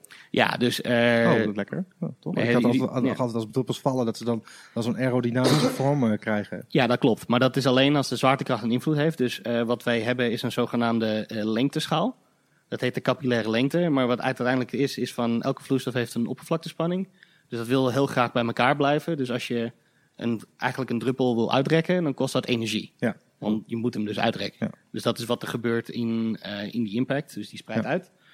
Eh, De nou- waterstofbruggen, toch? Of, eh, of ja, het zijn interacties inderdaad. Ja. En dan, maar omdat inderdaad dus het water inderdaad dus in van die waterstofbruggen heeft, dan is die interactie heel hoog. Dus de oppervlakspanning is heel groot. Dus je hebt van die waterschaters, heten die, van die kleine insectjes. die ja, ja. Dus Jezus eh, insecten. ja, en die Ja. Jezus insecten inderdaad. Ja, ik weet niet of je ze zo noemt, maar ze hebben iets met Jezus. Ja, dus die, die hebben hele grote poten en die verdelen dan het massa op die poten zo hoog dat die oppervlaktespanning van het water genoeg is om hem op het oppervlak te houden. Ja. Ja, dus dan inderdaad, nadat, eh, nadat de druppel eh, een impact heeft op het oppervlak, spreidt hij uit. Ja. En dat is dus gegeven door A, de oppervlaktespanning, dus hoe graag die vloeistof bij elkaar blijft. Maar ook eh, door zijn viscositeit of stroperigheid. Dus Ja. water is, eh, stroomt heel makkelijk. En dus zijn stroperigheid is laag. En de stroperigheid geeft eigenlijk eh, een soort van aan hoe langzaam een, een vloeistof stroomt. Dus het is eigenlijk de, ja, hoe hard een vloeistof tegenweer, tegenstand probeert te houden Ja. tegen een stroming. ja, precies. Ja. Dus hoe, eigenlijk hoe lui die is. Maar en bij bloed ligt dat wat hoger, denk ik. Dan. Eh, het bloed is een, een heel ander probleem. Dus eh, bloed is eigenlijk heel, heel grappig. Eigenlijk is het precies hetzelfde als ketchup in beweging. Echt? Nou ja, dus eh, ja, Oh, dat is best dat is serieus wel grappig. ja, je- je- En het smaakt ook hetzelfde. Kijk, je ken- jullie kennen die Heinz tomaten ketchup Ja. fles, toch? Zeker. Nou ja, dan hebben jullie waarschijnlijk wel eens een keer gebruikt. een bordje friet. En Ja. dan wil je wat ketchup bij. Dus je geeft een heel zacht tikje aan de achterkant van je, Ja. van je ketchup. En dan op een gegeven moment ligt die hele... eh, Ja, het komt altijd eerst niks uit mhm. en dan ligt die hele pot in één keer. Ja, nou ja, dus ehm, het idee van ketchup is, het is een, soort van vloeistof die eh, niet stroomt totdat je genoeg duwt. Dus dat is dat, dat tikken op de achtergrond. Ja. Eh, maar zodra die stroomt, breken al die ingewikkelde, complexe structuren van die ketchup Ja. een beetje op. Dus naarmate hoe sneller het stroomt, hoe lager zijn stroperigheid is. Dus eh, als hij heel langzaam stroomt, dan stroomt het net als, eh, als honing heel langzaam. Ja. Maar als hij heel snel stroomt, stroomt het net als water. En bloed doet precies hetzelfde, want die heeft allemaal van die rode bloedcellen erin zitten. Dus eigenlijk gewoon van die eh, cirkels, van, van die, eh, Ja. een soort van theeschoteltjes, Ja. Om, om het heel, heel simpel te zeggen. En als die bijna niet stromen, dan willen die bij elkaar zitten. Dus dat, eh, ja, dat klomt het allemaal samen. En dat is heel moeilijk om te bewegen, maar zodra dat in beweging komt... Dat, is, dat zie je ook wel, denk ik. Dat zie je zelf. Ik denk dat iedereen, best wel veel mensen. Ik moest op de middelbare school, moest je op een gegeven moment toch zo zelf je.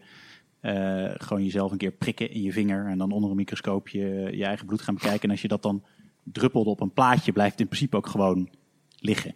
Ja, nou ja, dus er, er gebeurt dan ook nog iets anders, dat het ook nog samenklontert. Ja. En nou, er zitten dus stofjes in, dus die bloedplaatjes, die gaan dan allemaal elkaar zitten.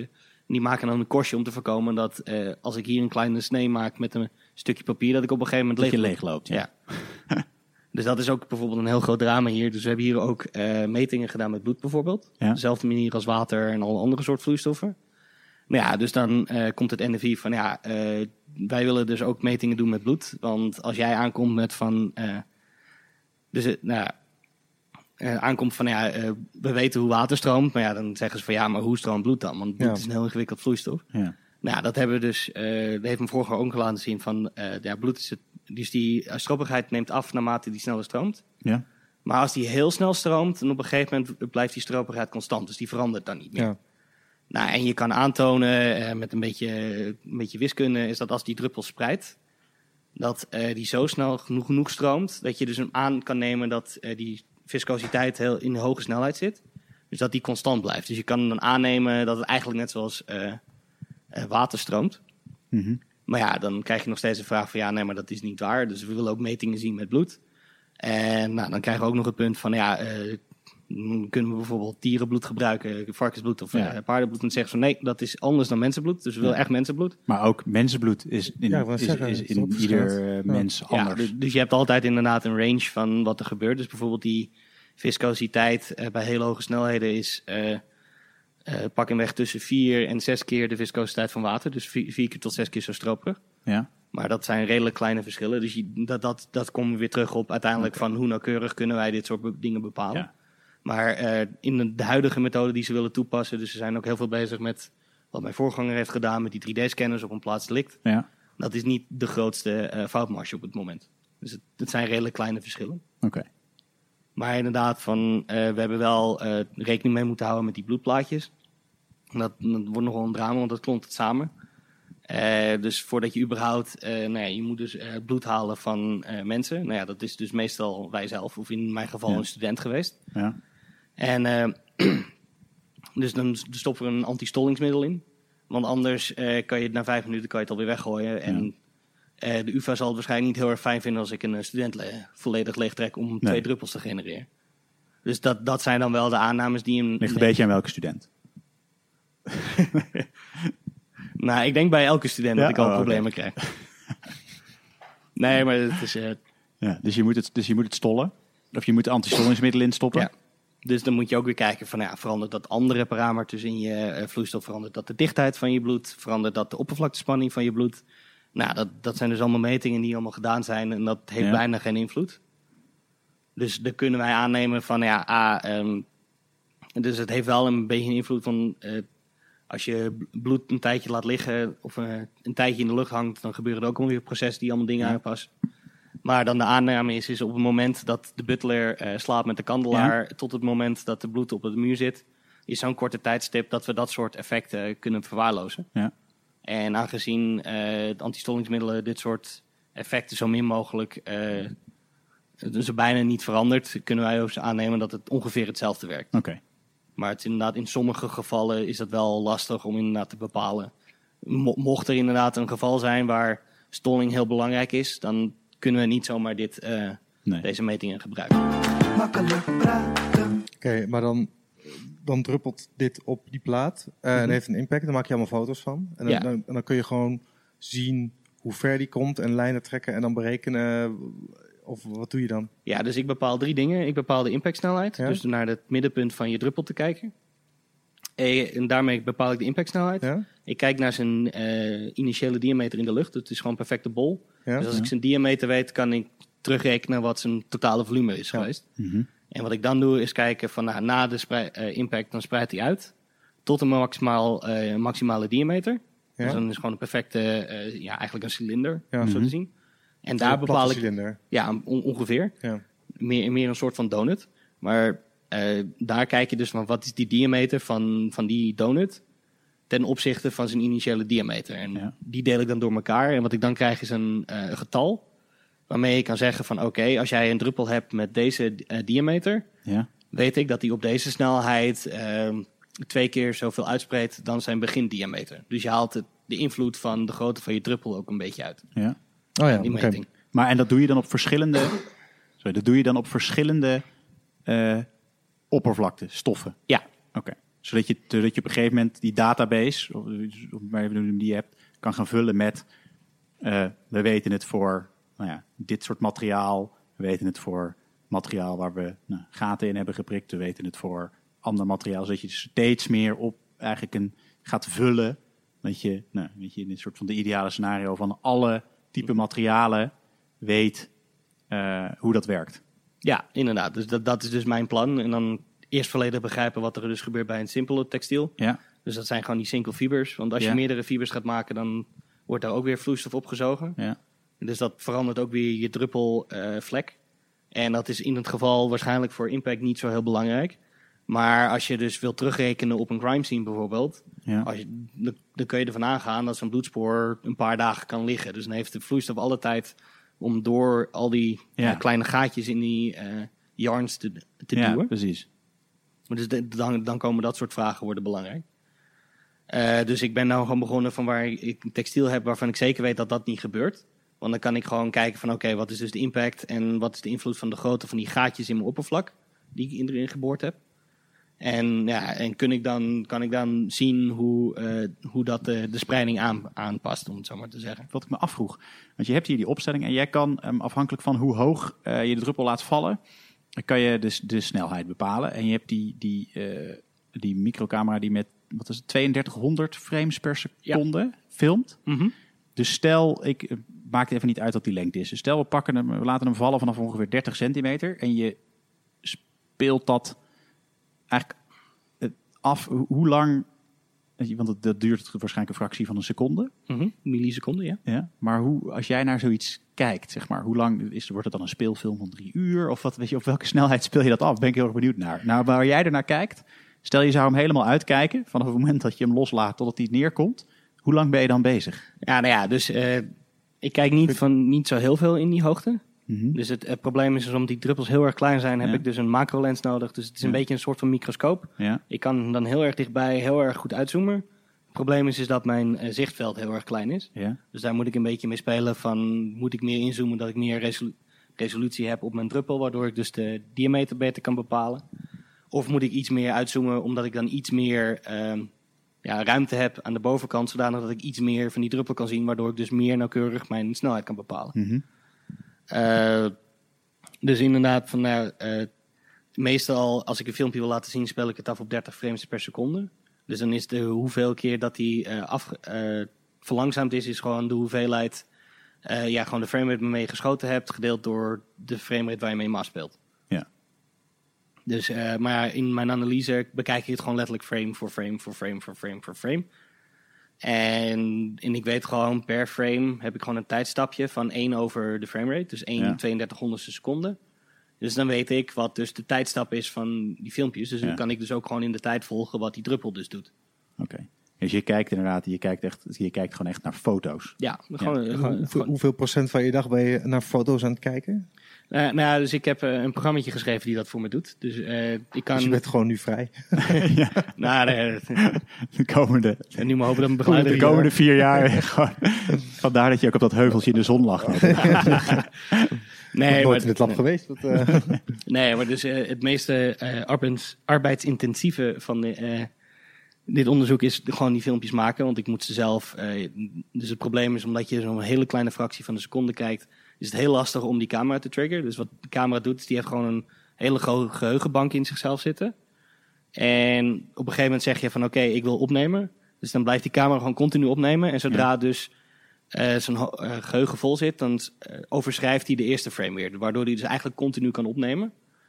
Maar dan moet jij daar op een gegeven moment zeggen van oké, ik wil dat je nu stopt. En dat je nog zoveel foto's maakt. Of zoveel foto's bewaart. En want dan kan je dus een beetje eh, timen wanneer, dus die, wanneer jij denkt dat die druppel in be- beeld is. Dus eh, op zo'n manier doe ik dat. Eh, maar ja, dus dan moet ik fi- fi- filmpjes maken. Maar ja, je kan niet maar één meting per hoogte doen, want dat is niet eh, relatief. Je moet kijken of het reproduceerbaar is. Dus je doet minstens drie metingen tot vijf. Nou, dat zijn alweer vijf filmpjes. Dus eh, nou, dan elke hoogte. Dus je begint eerst op eh, stapjes van millimeter. Ja, Dan ga je over stapjes van centimeter, dus 1 centimeter, 2 centimeter, et cetera, et cetera. Tot eh, het hoogste wat ik heb drie gehaald. kilometer. Ja, nou, het hoogste wat ik heb gehaald is anderhalve meter. En Oh dat- ja, dat zie ik hier, ja. Ja, ja. ja, en dat, is, dat is nogal een eh, heel geduldig eh monnikenwerk. Want het probleem is, is dat je hier ook nog een beetje een luchtstroom hebt. Dus eh, het feit Oh, dat je de druppel ook nog midden, midden op een plek, plek wil hebben, of plek hebt waar je hem wil hebben, Oh ja, er moet ook nog een heel... is, is ook nog een beetje een soort van eh Hail Mary af en toe. Makkelijk praten. maar moet je hem dan niet... Moet je er niet een koker omheen bouwen dan of zo? Ja, dat hebben we dus ook geprobeerd. Maar dan moet die eh, koker dus heel erg perfect hangen. En zeker op zo'n grote afstand Ja. moet hij dus echt eh, loodrecht hangen. Dus een collega die dus, eh, heb ik ook mee samengewerkt, dus die van de tape Ja. verhaal. Die kijkt dus, zijn, zijn onderzoek is over fragmentatie. Dus, maar wat er dus gebeurt is als je dus een druppel door die textiel duwt, dan komt hij Ja. doorheen en dat breekt op in heel veel kleine druppels. Maar ja, het probleem was is dat hij dus wel steeds, om dat soort meningen te kunnen doen, naar kijken van wat die druppeldistributie is. Want het is interessant om dus zogenaamde sprays te maken. En dus eh, de, eh, vloeistof te kunnen verstu- verstuiven. Maar ja, daarvoor moesten we hem echt perfect in het midden houden. Mhm. Hier valt er nog een, ja, je krijgt een iets meer nauwkeurigheid, onnauwkeurigheid, maar ik heb het getest en er zit bijna eh, een heel kleine foutmarge in. Kleiner dan wat ik eh, normaliter al heb. Ja. Eh, maar bij hem was dat heel erg belangrijk, want als hij net naar de rechterkant staat, dan komt hij weer net tegen de zijkant aan, waardoor je dus weer druppels verliest. Eh, allemaal experimentele eh, horrors. Dus die heeft inderdaad een koker eromheen gehangen en dan werkt het ineens heel erg goed. Oké. Maar hier is het een beetje onpraktisch om een eh, anderhalve meter buis ergens Ja. vandaan te halen en op te hangen en ook ervoor zorgen dat die kaars recht hangt. Waarom vind jij dit zo leuk? Nou ja, dus eh, ik ben hier letterlijk in deze onderzoekgroep ingedruppeld, om het zo maar even te zeggen. Ja. Dus ik, eh, ik heb hier... Ze hebben, jou van, ze hebben jou vanaf anderhalve meter zo paf naar beneden laten vallen. Ja. Nou ja, dus ik heb hier mijn bachelor gedaan aan de Ja. UvA. Ik heb hier ook mijn master gedaan. En dus experimentele natuurkunde. En ik zei aan het begin van mijn master, nou, ik ga nooit een PhD doen. En waarschijnlijk ook niks met eh, ja, vloeistofdynamica. Nou ja, dus... Prove eh, yourself wrong. Yep, precies. Maar ja, dus, ik, eh, nou ja, dus het verhaal ging is van, ik kwam dus bij mijn, mijn nu begeleider. Want we moeten dan als een vak, moeten wij dan dus een, eigenlijk een paar maanden meelopen in een lab om een beetje labervaring te krijgen. Ja. Dus dat mochten wij uiteindelijk in het tweede jaar een jaar lang project doen in het lab. Dat wij niet zomaar ineens zoiets hebben van, oké, we hebben geen flauw idee hoe een lab werkt. Nou, dus ik ben naar eh, mijn begeleider gelopen. Ik zeg van, hoi, eh, ik ben Thijs en eh, ik wil hier een projectje doen voor zoveel maanden voor mijn master. Heeft u nog iets leuks? Oh ja hoor. Dus die, die liep weg en die kwam terug met een, ho- met een hogesnelheidscamera, met een BB-gun, drie verschillende vloeistoffen en die bak. En eh, die zegt van... Oh ja. Dus even die bak, die, die, die bak, dit is een... eh, dit is een, Een glazen kubus, een zoals glazen wij er zoveel hier hebben staan. Met, Met- met troebele daarin- vloeistof en allemaal van die bibiballetjes. Ja. Dus eh, hij zei tegen mij van oké, ik wil weten hoe eh, een kogel afremt in een vloeistof. Voor deze drie verschillende vloeistoffen. Veel plezier. Eh, ma- maak heel veel lol en eh, kom maar terug. Nou ja, dus ik ben ermee begonnen. Dus eh, Dus jij komt gelijk terug met een gat in je arm. nee, nee, het, Waar is iets misgegaan? nee, het project ging heel erg goed. Uiteindelijk heb ik er dus ook een wetenschappelijk artikel over Oh, geschreven. wat lekker. Ja. Ja, de, de, dus eh, het is ook weer een heel apart project. Maar dat is, eh, jullie zijn bekend met eh, Liquid Body Armor toevallig? Nee. Nou ja, dus ehm, je Ja, hebt ik wel, maar onze luisteraars niet. Ja, nou, ja, dus- Toen ik in Vietnam vocht, hadden ze dat nog niet. Dus, eh, Nou ja, dus eh, nou ja, met de technologie van tegenwoordig is als jij dus eh, een argument, argument hebt of gewoon eh, boos bent op iemand, kan je iemand neerschieten van anderhalve kilometer ver zonder dat die persoon überhaupt doorheeft dat jij er ooit bent geweest. mhm. Nou ja, een manier om je er tegen te beschermen is dus een kogelvrij vest te dragen. Het is gemaakt van Kevlar. En ondanks het een heel lichte stof is, is het heel erg sterk. Volgens mij zelfs sterker dan staal. Ja. Maar je moet nog steeds zoveel van die Kevlar gebruiken om een kogel te stoppen, dat het nog steeds eh, een body armor wordt. Waarbij het eigenlijk het equivalent is van eh, ja, gewoon een panzer uit de middeleeuwen. Mhm. Dus het is niet heel erg praktisch als je een soldaat hebt eh, op het slagveld die daar als, Nee. als een Michelin-mannetje staat, om, dan is hij wel veilig, maar dan is hij, kan hij gewoon zijn taak niet doen. En bijvoorbeeld ook gewoon de politieagent hier op straat is niet handig. Maar daar hebben ze dus een idee voor bedacht. En hebben ze dus een vloeistof ingestopt. Het heet dan een shear thickening vloeistof. Het is het eh, tegenovergestelde. Zo, en wat voor vloeistof? Een? Het heet een shear thickening vloeistof. Ja. En het is het tegenovergestelde als eh, de ketchup en bloed waar we het over hadden. Ja. Eh, dus, je hebt genoeg van die filmpjes met maizena bijvoorbeeld. Dus moest er net aan denken. Ja. ja, het is inderdaad van als je hem Ja. heel rustig roert, dan, Ja. gebeur, ge- dan reageert het net als water. Maar als je er heel hard op slaat, dan wordt het massief. En eh, je kan er dus, als je snel genoeg bent, kan je eroverheen lopen. Dat is dus hoe Jezus het waarschijnlijk heeft gedaan. Hè? Die heeft een Heel veel maizena. duizenden ja. pakken mazena in dat meer ge- geflikkerd. En is het toen zo oplopen stappen. Het lijkt ook een beetje op eh silly putty. Ja, dat is, dus een, dat is dus heel erg grappig. Want dat is dus inderdaad wat in die bak zit. Dat is een soort van siliput. Echt? Zit er, er zit gewoon een soort... Heb je, ken je silly putty van vroeger? Of niet? Nee. Nee? Ja, nou ja, dus heb ik eh, aangetonen met die, met die shear Dus ook thickening. even, even voor mensen, even, even voor luisteraar, was silly putty. Dat is, ehm, is een soort van, ja, moet ik zeggen, klei. Dat kon je, ik, Mhm. ik kocht dat, dat kon je vroeger kopen. Dat was inderdaad dat als je het dan, eh, eh, ja, een soort van rubber. Dat als je inderdaad gewoon langzaam mee deed, dan kon je ermee kleien en zo. Maar als je er dan met een hamer heel hard op sloeg, dan brak het in, in duizend stukjes. En je Mhm. kon het ook, dat deed, deed ik, of waar ik had een soort van glow-in-the-dark silly putty. Je had allerlei verschillende soorten silly putty. Bijvoorbeeld aan het plafond plakken. En dan ging het zo heel langzaam op een gegeven moment als een druppel, druppel naar beneden. En toen ik studeerde, deed ik dat ook. En dan ging blowen en daarna kijken terwijl het naar beneden viel. dus ik kan er... Dat wordt steeds interessanter. Maar ja, Silly putty. Dus dit is een bak met een soort van silly putty zit er in deze bak. Ja, dus er, zij zeggen dus in een paper hebben zij dus een deel van die Kevlar vervangen met die, eh, met, met die eh, soort maizena. Dus Ja. het is niet echt een maizena, want dan kan je hem na drie dagen kan je dat vest Ja. weggooien omdat het gaat stinken. Maar dus zij zeggen van oké, dit is dus een vloeistof die hard wordt onder impact. Dus die shear thickening eigenschappen. Ja. Dus de stroperigheid neemt ineens heel hard toe. Eh, dat is gek. En als je erop schiet, dan houdt het een kogel tegen. Ja. Dat is ook gek. Dus eh, de shear thickening stopt een kogel. Dus de, de, de vloeistof, een eigenschap van een vloeistof stopt de kogel. Maar toen zei mijn begeleider van ja, maar dat, is, dat weten we niet zomaar. Dus het probleem met heel, echte vloeistof in het echte leven is dat ze eigenlijk niet perfecte vloeistof zijn. Maar eigenlijk ook een soort van eh, in een tussengrijs gebied zitten tussen een vaste stof en een vloeistof. Dus silly putty is daar het perfecte voorbeeld voor. Is dus dan op, eh, naarmate hoe, hard je, hoe snel je erop slaat, hoe snel je hem dus uitrekt of Mhm. deformeert of er iets Ja. mee doet. Hangt er dus af van of hij als een vloeistof reageert of als een vaste stof. Dus als je er met een hamer op slaat, ja, is het gewoon een vaste stof. En dan kaast hij terug als je tegen de muur aangooit. Komt het als een bouncybal terug. Ja. Maar laat je dus inderdaad aan die plafond hangen, dan komt het inderdaad als een druppel naar beneden, want dan stroopt het gewoon. Ja. En de meeste vloeistoffen hebben daar een soort van eh, grijs gebied in, van dat ze niet perfect een vloeistof zijn, maar ook geen perfecte ehm, vaste stof. Dus het kan ook zijn dat het de visco, dat heet dan viscoelasticiteit, dus visco van viskeus Ja. en eh, elasticiteit van elasticiteit. En dan is dus, was, on- was zijn vraag van, ja, is het dus wel inderdaad de shear thickening eigenschappen of de viscoelastische eigenschappen? Dus reageert die shear thickening fluid ook als een soort van silly putty, om Ja. het zo maar even te zeggen. Nou ja, en dat, dat hebben wij dus aangetoond dat het dus blijkbaar wel zo is. Nou ja, het was een heel simpel experiment van, ik bedoel, ik zet een BB-gun aan de bovenkant van die bak. Ja. En daar is die houder ook voor. Ja. En dan schiet ik kogels mee naar beneden en dan kijk ik dus naar die kogels op dezelfde manier als ik eh, mijn druppels kijk. Ik kijk gewoon naar het middenpunt van die, van die kogel.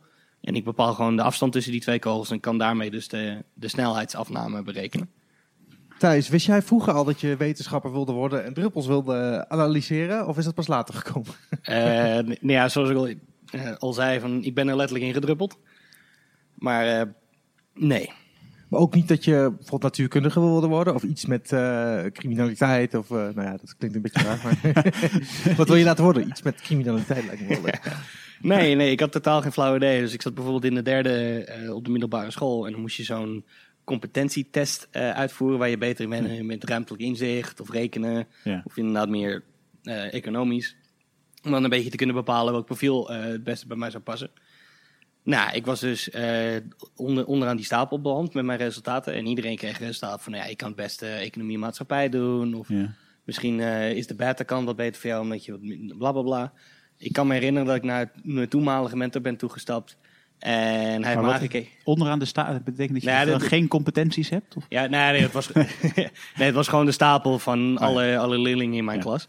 Nou, ik lag onderaan, eh, dus ik, ik liep naar die vent toe en hij zegt van ja, in principe zegt eh, dit papiertje was allemaal perf- perfect in het midden, op dezelfde, dezelfde hoogte. Dus hij zegt van eh, succes. Ja. Kies maar wat je wil, Ja. in plaats van wat je kan. Eh, en Want je kan eigenlijk alles. Ja, nou ja, dus uiteindelijk had ik wel zoiets van, nou, ik vind de beta-kant veel leuker dan de alpha-kant. Ja. Dus ik ben uiteindelijk dat gaan doen. Ja, ik was op het begin echt super slecht in natuurkunde. Ja, dus dat, eh, dat, was- ook nog wat grappig dat je dan nu toch een beetje in die uh, hoek beland, toch? Ja, nou ja, dus uiteindelijk begon ik het een beetje te begrijpen. En dan vond ik het eigenlijk ook een stuk leuker, omdat ik dus eigenlijk wist hoe al die sommetjes moesten. Door gewoon, eigenlijk gewoon al die sommetjes te maken.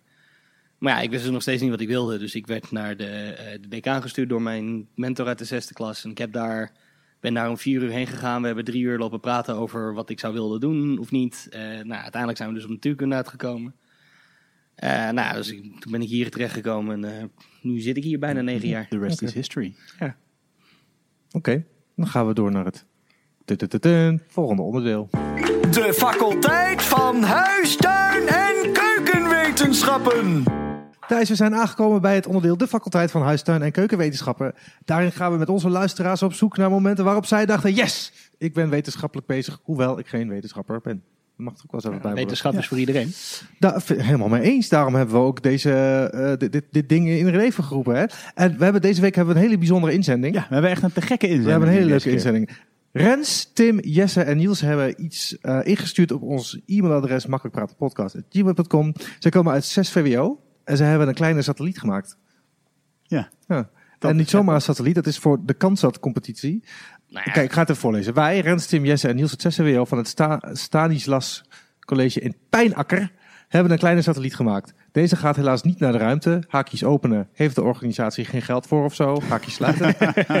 maar gaat tijdens een val van 1 kilometer hoogte vele metingen uitvoeren en doorsturen. Het idee om mee te doen aan deze competitie was een combinatie van verveling en fascinatie voor de ruimtevaartindustrie. Hieronder het artikel. Dus ze hebben dus een artikel is er over geschreven. En het is eh, een satelliet die ze hebben gebouwd. Ja, dus ze maken een satelliet en dan, eh, die- er, zijn dus, er, is een, en er is dan al een raket eh, Ja. die die satelliet eruit Ja. Ja, zij hebben dus, eh, zij heet het project Beta. En zij hebben nog twee kleine satellietjes gebouwd. Die wegschieten door middel van een veersysteem in die hoofdsatelliet. En ze meten alle drie concentratie, eh, CO2 eh, in de lucht, GPS-positie en luchtvochtigheid en snelheid. En oriëntatie en bla bla bla. Eh, en eh, nou ja, met deze data, ja, weet- ik weet niet wat ze er verder mee willen doen. Maar ze hebben in ieder geval eh, de prijs van Nemo gewonnen.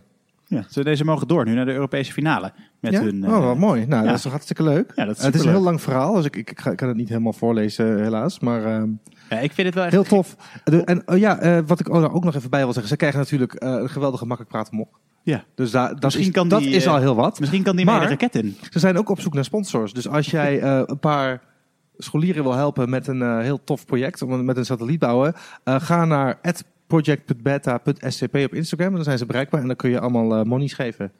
Ja. En ze gaan nu kijken inderdaad of ze hun systemen kunnen upgraden. Het klinken net professionals. In Bologna, Italië, tussen 24 en 28 juni is de Europese finale. En dan gaan ze kijken welk land de beste can-set kan maken. En het is dus een can-set heet het dus omdat het met een, ehm, een, een blikje is, toch? Of had ik dat nou verkeerd? Dat heb, Ja, eh, Een blikje. Nou, heel Maak tof. een satelliet uit een blikje. Ja, maak een satelliet uit een blikje is eigenlijk de, de opdracht. Nou, ik zou het niet kunnen. ik eh, Nee, vind het heel knap. Ja, toch? Ik ben nog even aan het kijken, wat staat hier? Ontplofte de raket nou, terwijl ze hem de lucht inschoten? Ja, maar dat is allemaal bijzaak, Sander. Nee, nee, maar dat is hier. Eenmaal aangekomen op het artillerieterrein van het ASK het Harde, werd de laatste voorbereiding gedaan. En na een controle werd het satelliet geplaatst in een raket. Om storing met een andere test op het terrein van ASK te- het Harde, die met dezelfde radiofrequentie als Team Project Beta werkte, te voorkomen, kon de satelliet van het team in de tweede raket. Maar de raket was de lanceertoren nog niet af of, Of- hij explodeerde met zes satellieten aan boord. Voor zover bekend is de satelliet van project Beta de enige satelliet die het enigszins overleefd heeft. Weliswaar zijn de buitenste hulzen en enkele chips zwaar beschadigd.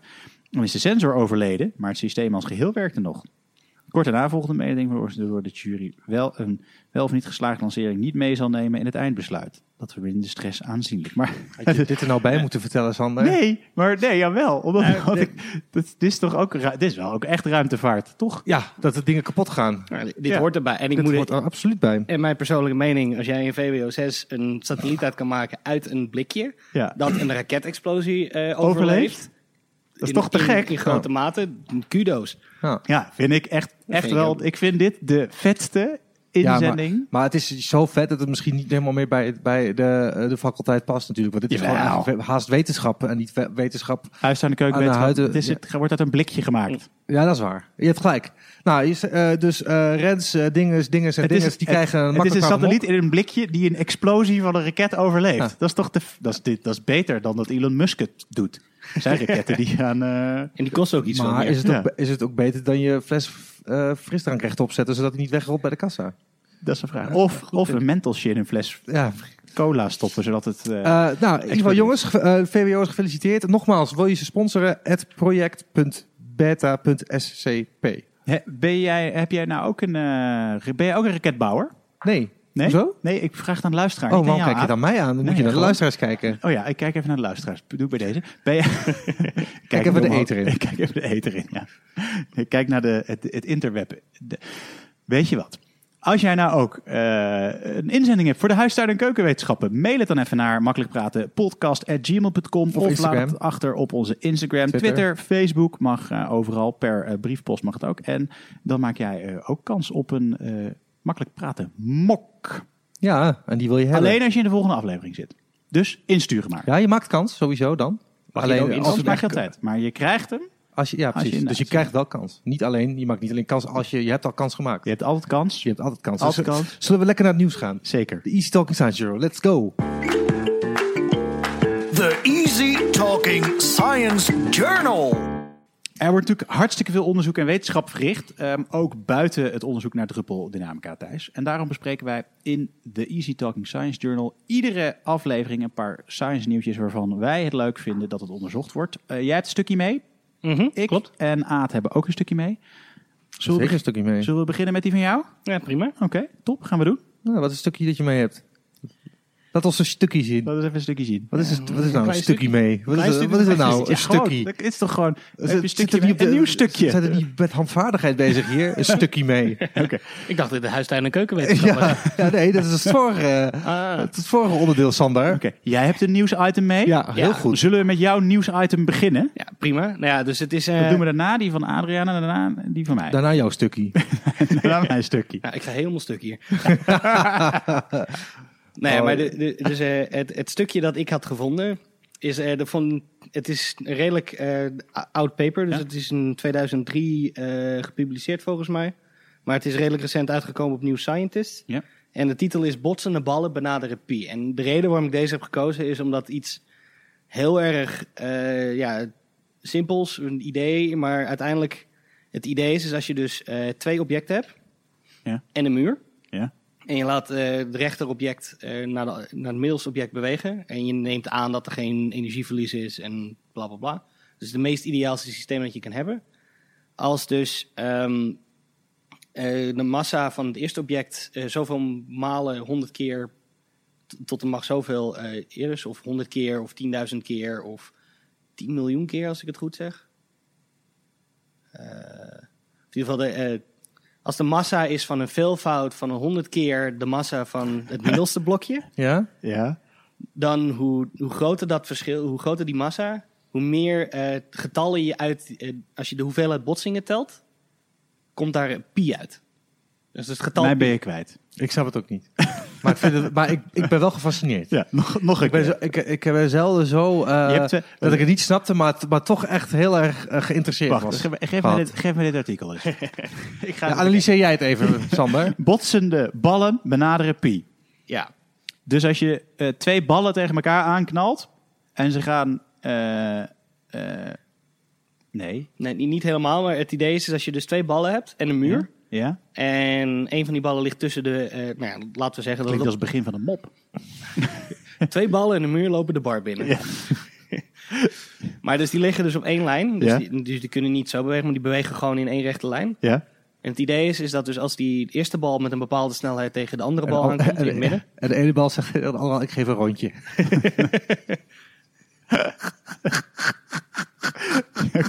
Oké.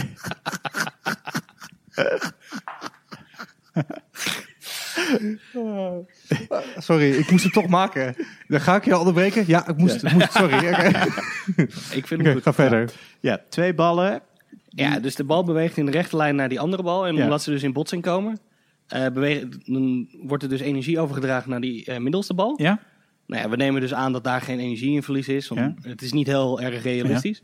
Maar daardoor gaat die middelste bal, die gaat dan bewegen naar de muur. Ja? En die kaats weer van de muur af. Ja? En die kaats weer tegen die andere bal aan. Als het Ja. dus dezelfde massa is, dan rolt die bal tegen die andere aan. Die geeft al zijn energie over Ja. naar de middelste bal. Ja? Die gaat te- komt tegen de muur aan. Ja, die Ja. gaat weer terug. Ja, die gaat weer terug. En die geeft al zijn energie weer terug Ja. aan die andere bal. Dus je hebt Ja. drie botsingen. Ja. Ja. Maar dus wat ze dus, eh, dat paper in 2003 heeft laten zien, is dat als je dus eh, dat massa van die beginbal die rolt, Ja?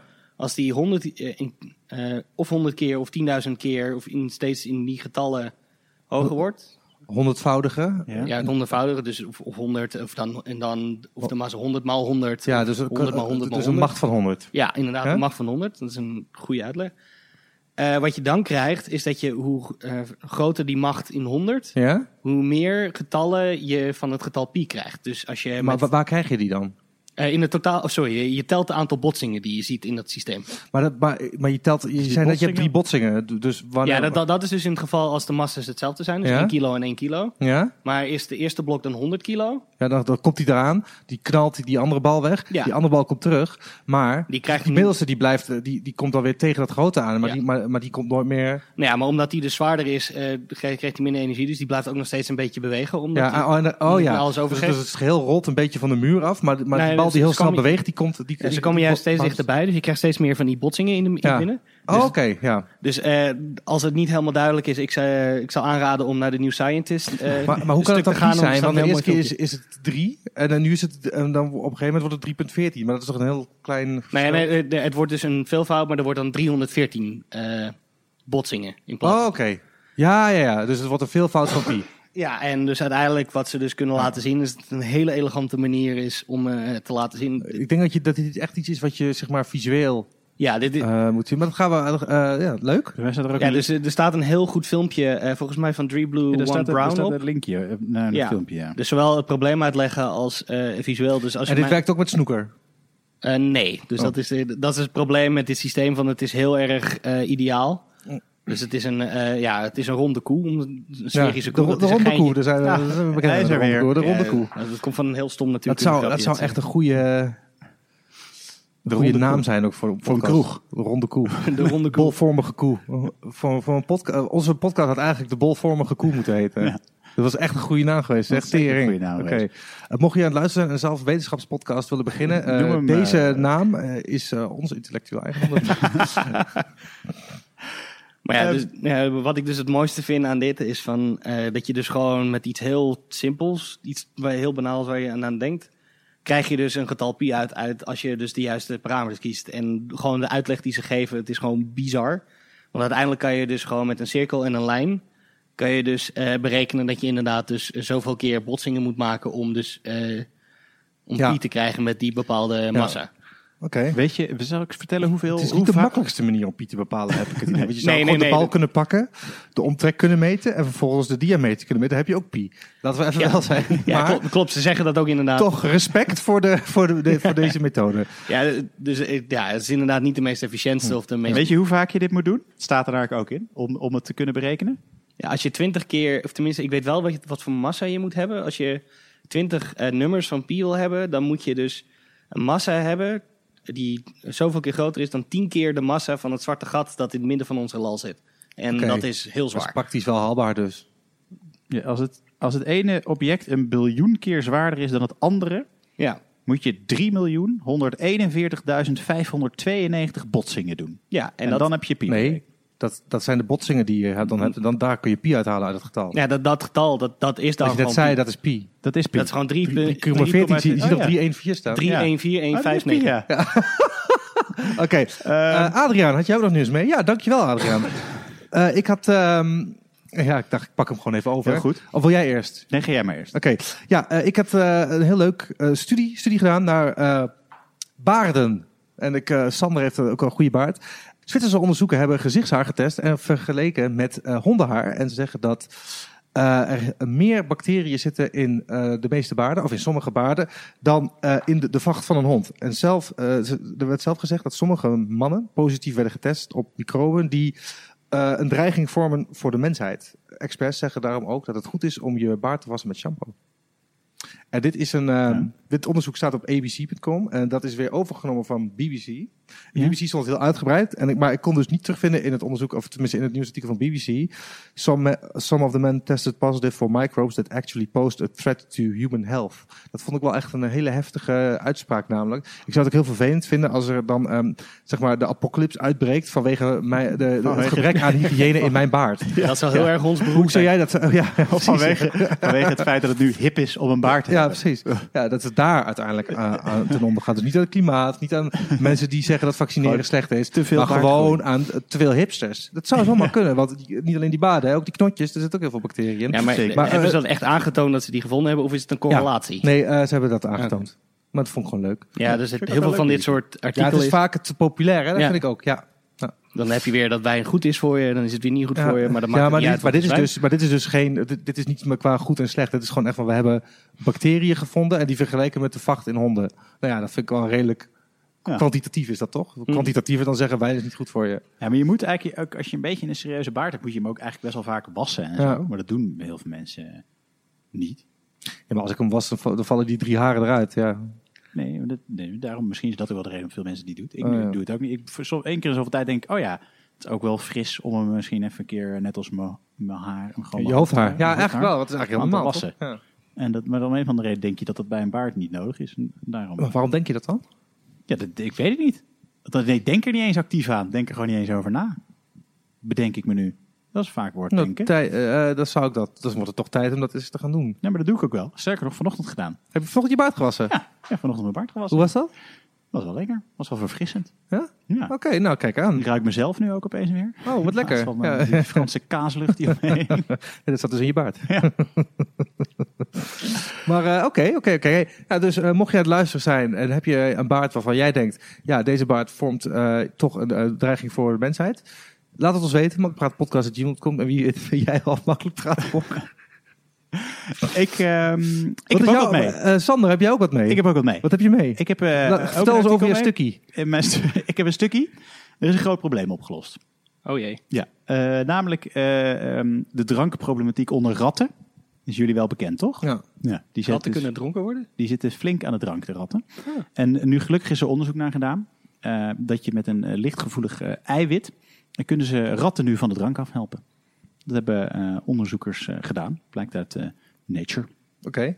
Hebben ze onderzoek En hoe reageren de, de ratten daarop? Nou, die zijn boos. ja, die, eh, die- Ja, die, die hebben wat moeten we nou doen op vrijdagmiddag? Ja, die hadden het laatste lichtpunt. Het, Ja. het zijn, ook, het zijn volgens mij ook specifiek namelijk eh, eh, ratten die voor onderzoek gebruikt worden, die aan de drank zijn. Die hadden één lichtpuntje in hun leven. Ja, namelijk, Nou ja, het is Nou, wel zo dat bijvoorbeeld, ze hebben het ook met heroïne gedaan, om ook maar iets te noemen. Volgens mij eh, met ratten en heroïne was het zo dat had je dus ratten die verslaafd waren aan heroïne.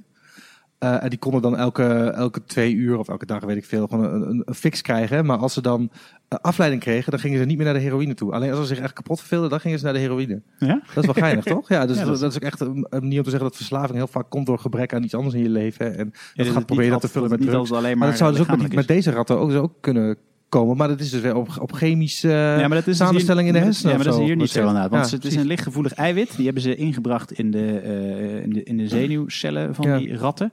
Ehm, en daardoor weten Daardoor ze hadden te ze al koppijn. Ja, stopten ze sowieso. En, eh, maar het is wel belangrijk, want, want, eh, de onderzoekers die zijn van het Scripps Research Institute in San Diego. Ehm, dit is belangrijk omdat het natuurlijk ook een stapje is naar hoe je alcoholverslaving bij mensen zou, eh, zou kunnen reguleren. Ehm, Ja, ik, zou, ik denk niet dat het ooit gaat gebeuren dat mensen dan een eiwit in hun eh, kop krijgen ingespoten, toch? Dat kan ik me echt niet voorstellen. Ja, volgens mij bestaat er wel bier waarvan je geen kater krijgt. Tenminste, dat heb ik een Ja. keer gehoord. is dat Malt. zo? Ja, dat heet alcoholvrij bier. Ja, nee, maar wel het bier met Dat alcohol. wel van die pillen toch ook? Dat heb ik ook eh, dat je van die, als je dan eh, aan het drinken bent, dan moet je daarvoor moet je een pil innemen en dan krijg je blijkbaar geen kater. Maar dat kan ik me ook niet voorstellen. Maar ja, I don't know. Maar eh, goed, eh, hoe hebben ze dat getest? Hebben ze gewoon heel veel ratten? Nee, volgens mij hebben ze dus, wacht even, ik ben het even, laat me even, even, even lezen. Volgens mij hebben ze dit ingespoten en dat ook wel, en dan ook de ene ratten bij het licht aangezet, want het is een lichtgevoelig eiwit. Ja. Die hadden Die dan geen zin dag, meer. ah, ik ben zo, ben zo brak, doe het licht uit. en ik dacht, Ja, oké, doe ik het licht uit. hoe, hoe hebben ze dit dan onderzocht? Hebben ze gewoon heel veel ratten allemaal bier gegeven en toen bij een paar dat ding ingespoten en toen waren ze Nou, weer niet eigenlijk meer wel min of meer wel. Ze hebben die ratten hebben ze dus eerst eh, alcoholverslaafd gemaakt. Ja. Sympathiek als Ja, ze zijn. ja, zeker. Ehm, en toen hebben ze dus dat eiwit eh, ingespoten, zo'n lichtgevoelig eiwit. En eigenlijk zijn ze het licht aan en uit gaan zetten. Eh, dus als het licht aanstond, dan hadden die ratten dus eigenlijk meteen, eh, waren ze meteen minder verslaafd. Hadden ze meteen minder zin in alcohol, gingen ze minder alcohol Maar dat is toch een beetje wat ik net zei? Want die heroïne, dat je gewoon impulsen krijgt om iets te gaan doen. Maar als het helemaal donker is en je hebt niks te doen, dan ga je dus, grijp je dus eerder terug naar de alcohol. Ja. Dus het gaat er meer om dat je een soort van eh, geprikkeld wordt op, op de ene of de andere manier. ja, behalve dat, ja, maar bij jou komt het door verveling. En hier komt het wel echt door een reactie op wel of geen licht. Ja, maar dat zou toch ook vervelend kunnen zijn? Want als het donker is, verveel je je sneller dan wanneer je het licht is en je daadwerkelijk kan zien wat je aan het doen bent. Ja, het ligt eraan wat je aan het doen bent in het donker. Ja, als je een boek, kijk, die rat wil een boek lezen, Ja. dat kan dus niet. maar zodra het licht aangaat, denkt hij, ja, nou kan ik verder eh, in het boek wat ik aan het lezen was. Weg met dat bier. Geef mij dat boek. Ja, Licht uit. Weg met dat boek. Geef me dat bier. Misschien, maar misschien moeten we eh, Oliver George, dat is degene die dit onderzoek heeft gedaan, even een mailtje sturen om te vragen of hij daar wel rekening mee heeft gehouden. Ja, wat, het zou fijn zijn als we ook, eh, zoals je bij andere professionelele podcasts hoort, dat je mensen kan bellen gewoon te- terwijl je aan het opnemen bent. Dus dan hadden we hem even het hemd van het Ja, lijf kunnen vragen. gewoon- dan had hij gezegd, wow, eh, Ja, het is wel handig om een feestje op te breken. Gewoon als je mensen wil stoppen met drinken, doe je het licht aan en Ja, dan verkopen bam. ze vanzelf weg. Ja, weg ermee. Ja. Dat werkt ook meestal wel, toch? Meestal als er lichten bij mij aangaan als ik eh, aan het feesten ben, ik, in de kroeg. Oh, het is afgelopen, dan gaan we ja, weg. dan ga je naar huis. Is dat er niet gewoon? Dat, is, dat, maar dat is zo dus- alcoholistisch waren dat ze precies wisten hoe de kroeg werkte. Dus gewoon denken, we doen het licht aan, ja, weg. En ik heb ook al, als het bij mij als het licht uitgaat, stop, stop Ja, ik ook drinken. Er klopt helemaal niks van dit eh, onderzoek. Slecht onderzoek. Ja. Eh, door naar het volgende onderdeel. Is er nog een onderdeel? Eh, zeker. Oh, leuk. Thanks, wetenschap. Er is zeker nog een onderdeel. Mooi man. Ja. Veel onderdelen. Leuk. Eh, de podcast zit er eigenlijk bijna op. Toch wel. Ja. Je zei dat het nog een onderdeel is. Nou, wat jammer. Oh, jongen, jongen, jongen, jongen. Sander, wat is dit nou? Nou, het, het zit er bijna op, maar er is nog een onderdeel. Oké. En dat onderdeel heet Thanks Wetenschap. Oh ja, dat wist ik trouwens. dit doen we elke week. Misschien iets te veel bier gedronken. Aflevering 7. We gaan even voor jou het licht weer aanzetten. Jongen, jongen. Stop je met drinken. Ehm, het zit er bijna op en we hebben over, eh, vooral heel veel gepraat over eh, de impact van druppels. eh, van druppel... eh, Impact. van, eh, van, van bloedspatonderzoek, bloed tegen de muur. We hebben het gehad over Siliputi. Maar we sluiten altijd af met iets lekker praktisch. Jij hebt één ding meegenomen waarvan jij het gek vindt, Thijs, dat de wetenschap dat mogelijk heeft gemaakt. Wat is dat? Nou ja, het is een beetje een open deur, maar het is toch maar eh, de camera. Gewoon de fotocamera. Oh, ik dacht dat echt de deur was. Dat zou ook wel leuk zijn. Ik heb een open deur wel meegenomen. geweest. Gewoon een frame. Oh, jezus, gewoon een gat. Nu kun je eruit. De, de luchtgitaar. Ja. Oh, dat is ook een mooie. Nee, maar de camera, ja, zeker. Ja. Ja, gewoon inderdaad het feit dat ik dus hier in het lab kan zitten, een camera kan mikken op een druppel. En dat ik dan precies kan volgen in hele korte tijdstappen wat er nou precies gebeurt. Maar ook gewoon met de fotocamera dat ik hier in principe een foto zou kunnen maken van, van jullie twee. En dat het gewoon een bijna perfecte representatie is Ja. van de werkelijkheid. Dat is echt bijzonder. Als je dat Ja, eh, ik zou 400 niet jaar geleden tegen me had gezegd, dan had ik niks gezegd, want toen leefde ik nog niet. Maar dat was, on, dat was niet wel voor te stellen extreem, geweest eh, in die tijd natuurlijk. Het is zo tof als je ziet wat we allemaal uit de grond hebben weten te halen. Het is toch ook met, met dit, je hebt toch zo'n eh, zo'n anekdote van toen ook nog de eerste films kwamen, dat mensen in een bioscoop gingen en dat ze dan een trein hadden gefilmd Mhm. die op het beeld afkwam. Dat Ja. mensen dan Ja. gingen opstaan en wegrenden, Ja. omdat ze gewoon niet konden voorstellen dat het niet echt was. Ja, mijn vader had een keer, eh, of de- zeg maar de vader van mijn vader, dat, ja, dat was toen een heel evenement dat de eerste Ja, tv, eh, de eerste, te- ja, of, de, de- of daar weer boven, weet ik niet. Maar dat was destijds een heel evenement dat de eerste tv-uitzending was. En er had één iemand in de buurt een tv. En dan gingen ze met z'n allen eh, bij diegene tv kijken. En er was er één vrouw, die was helemaal opgemaakt, mooi eh, zei, waarom ben je zo mooi opgemaakt? Zo, ze, ze kunnen mij toch ook zien?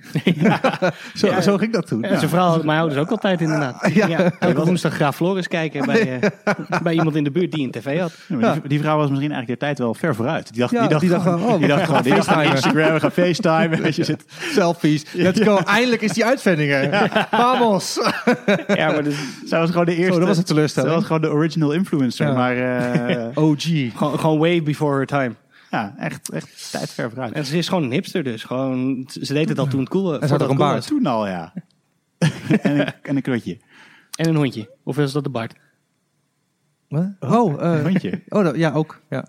Ehm, ja, nee, camera. Maar wel echt vet. wel een, eh, Maar daarom denk ik ook nog steeds, ik, heb, ik hoop daarom, doordat dit is zo onwerkelijk, dat, we dat, dat ze ons, dat, of dat konden ze toen niet voorstellen. Dat is mijn stille hoop, dat we misschien toch ooit kunnen gaan tijdreizen. Ja, maar... Technisch gezien zijn we al aan het tijdreizen. Oh? Nee, wacht een seconde. Je bent een seconde verder in de tijd. Heel. Ja, dat is wel waar. Dat doe ik iedere En de dag. luisteraars zijn ook aan het tijdreizen, want die hebben anderhalf uur geluisterd, maar het idee dat twee dagen zijn verstreken. Sorry daarvoor. maar zo zie je maar weer. Hey, ehm, het zit er weer op. Wat? Ja. Nee. ja. Je zei net nog van niet. ja, maar dat onderdeel hebben we net gehad. Oh ja, oké. Daar zijn we Nou, alweer klaar mee. De aflevering is, eh, is voorbij. Bijna voorbij. Oh. Thijs, Ik vind het belachelijk, sorry. Ik, ben het echt niet, ik, ga, ik ga weg. Ik ben het er echt niet mee eens. Nou, wat we wel kunnen doen, eh Aad, voor jou en alle andere luisteraars, dat we een, een soort van extra podcast maken waar we alles wat niet de montage heeft gehaald, achter elkaar plakken. Ja. Zodat mensen nog ongeveer Ja. acht uur kunnen luisteren naar Ja. Ja, nou, onzin. shizzle. een Adriaan die zichzelf verspreekt. Ja. Toch? Ja. Dat is wel Een soort leuk. van bloopers. We, gaan, we, gaan een blooper, we hebben een blooper reel. Ik heb een blooper reel van jou mee ge- bijgehouden. Ah, top. Ja. Het is wel heel chill. alleen, alleen- alleen van mij. Ja. Nou. ja, die stuur ik dan naar alle eh, oproepen en zo. Eh, leuk. Maar dat gaan we nu niet doen. Het is Nee. klaar. Ja, nee, het is... eh, het, is, het is klaar. ik Thijs? vond het erg leuk. Ik heb ik vond genoten. het, ik vond het ook te gek. Thijs, dankjewel. Graag gedaan. Ik deed het met veel plezier. Jij krijgt een fantastische, makkelijk praten mok voor jouw deelname. Eh, die we alleen niet bij ons hebben, dus die Ja. gaan je opsturen. Die waren we even vergeten. Die waren we even vergeten. Ja, dat is maar mooi. zo zie je maar weer dat we hem normaal wel meenemen. Want normaal hoor je, hoor je zeggen we dat niet erbij. Dan Nee. hoor je dat niet. Dus, eh, Dus, nee, eh, maar zeker. Want jij hebt hem ook al gezien, toch? Ja, ik, ik heb ja? hem ook inderdaad al gezien. Nou, Dat- kijk, het ga is mooi, want ik heb al een, experiment met mijn eigen mok gedaan. is niet kapot. helemaal met de bedoeling. Ja. Oh, Oké, maar dat is niet de bedoeling van de Nee, makkelijk nee, nee. praten. Nee, nee, nee, die dat- is echt voor de makkelijk praten. Nee, die is- dingen. ik Ik, bedoel, hoop dat ik die wat experiment, makkelijker in elkaar kan houden. Ja, ik, of het gaat koffie, eh, koffie uit te drinken en mee te pronken Ja. eh, in de koffiekamer. Vooral ja. dat, ja. Daar is kogels die, op te schieten. Over twee weken, dan zijn we er weer. Ja? Op donderdag 23 mei, dan is er weer een nieuwe Makkelijk Praten Zo, dat is podcast. ver in de toekomst. Dat is hartstikke... Nou, dat is op zich gewoon over twee weken. Ja, kwestie van tijdreizen. En met wie eh, zitten we Dan dan? zitten we met Karel Melis van het eh NICHEF. En die doet onderzoek naar neutrino's. Ehm, wat dat zijn, weet ik eigenlijk niet, maar dat gaan we eh, over twee weken horen. Ik, vond, ik, heb, eh, ik heb genoten. Ik, Ik, vond het een erg leuke opname. En- Ik vond dat ik zelf ook erg in vorm was. Ik, eh, ik moet zeggen, Adriaan, goed gedaan. Dankjewel, Adriaan. Sander, jij ook goed gedaan. Niet zo goed als Adriaan, maar toch. Ja, wel Thijs, goed. jij ook Thijs, goed jij was de beste sowieso. Dus dat, staat buiten kijf. Ik heb niks voor niks te goede. Daarom. Dat Ja. is ook zo, We hadden eerst nog de verkeerde hier op de gang. Oh, dat was de slechte. ja, dat is mijn tweelingbroer. Hey, ehm, Thijs, als jij ons nou wil volgen, dat kan.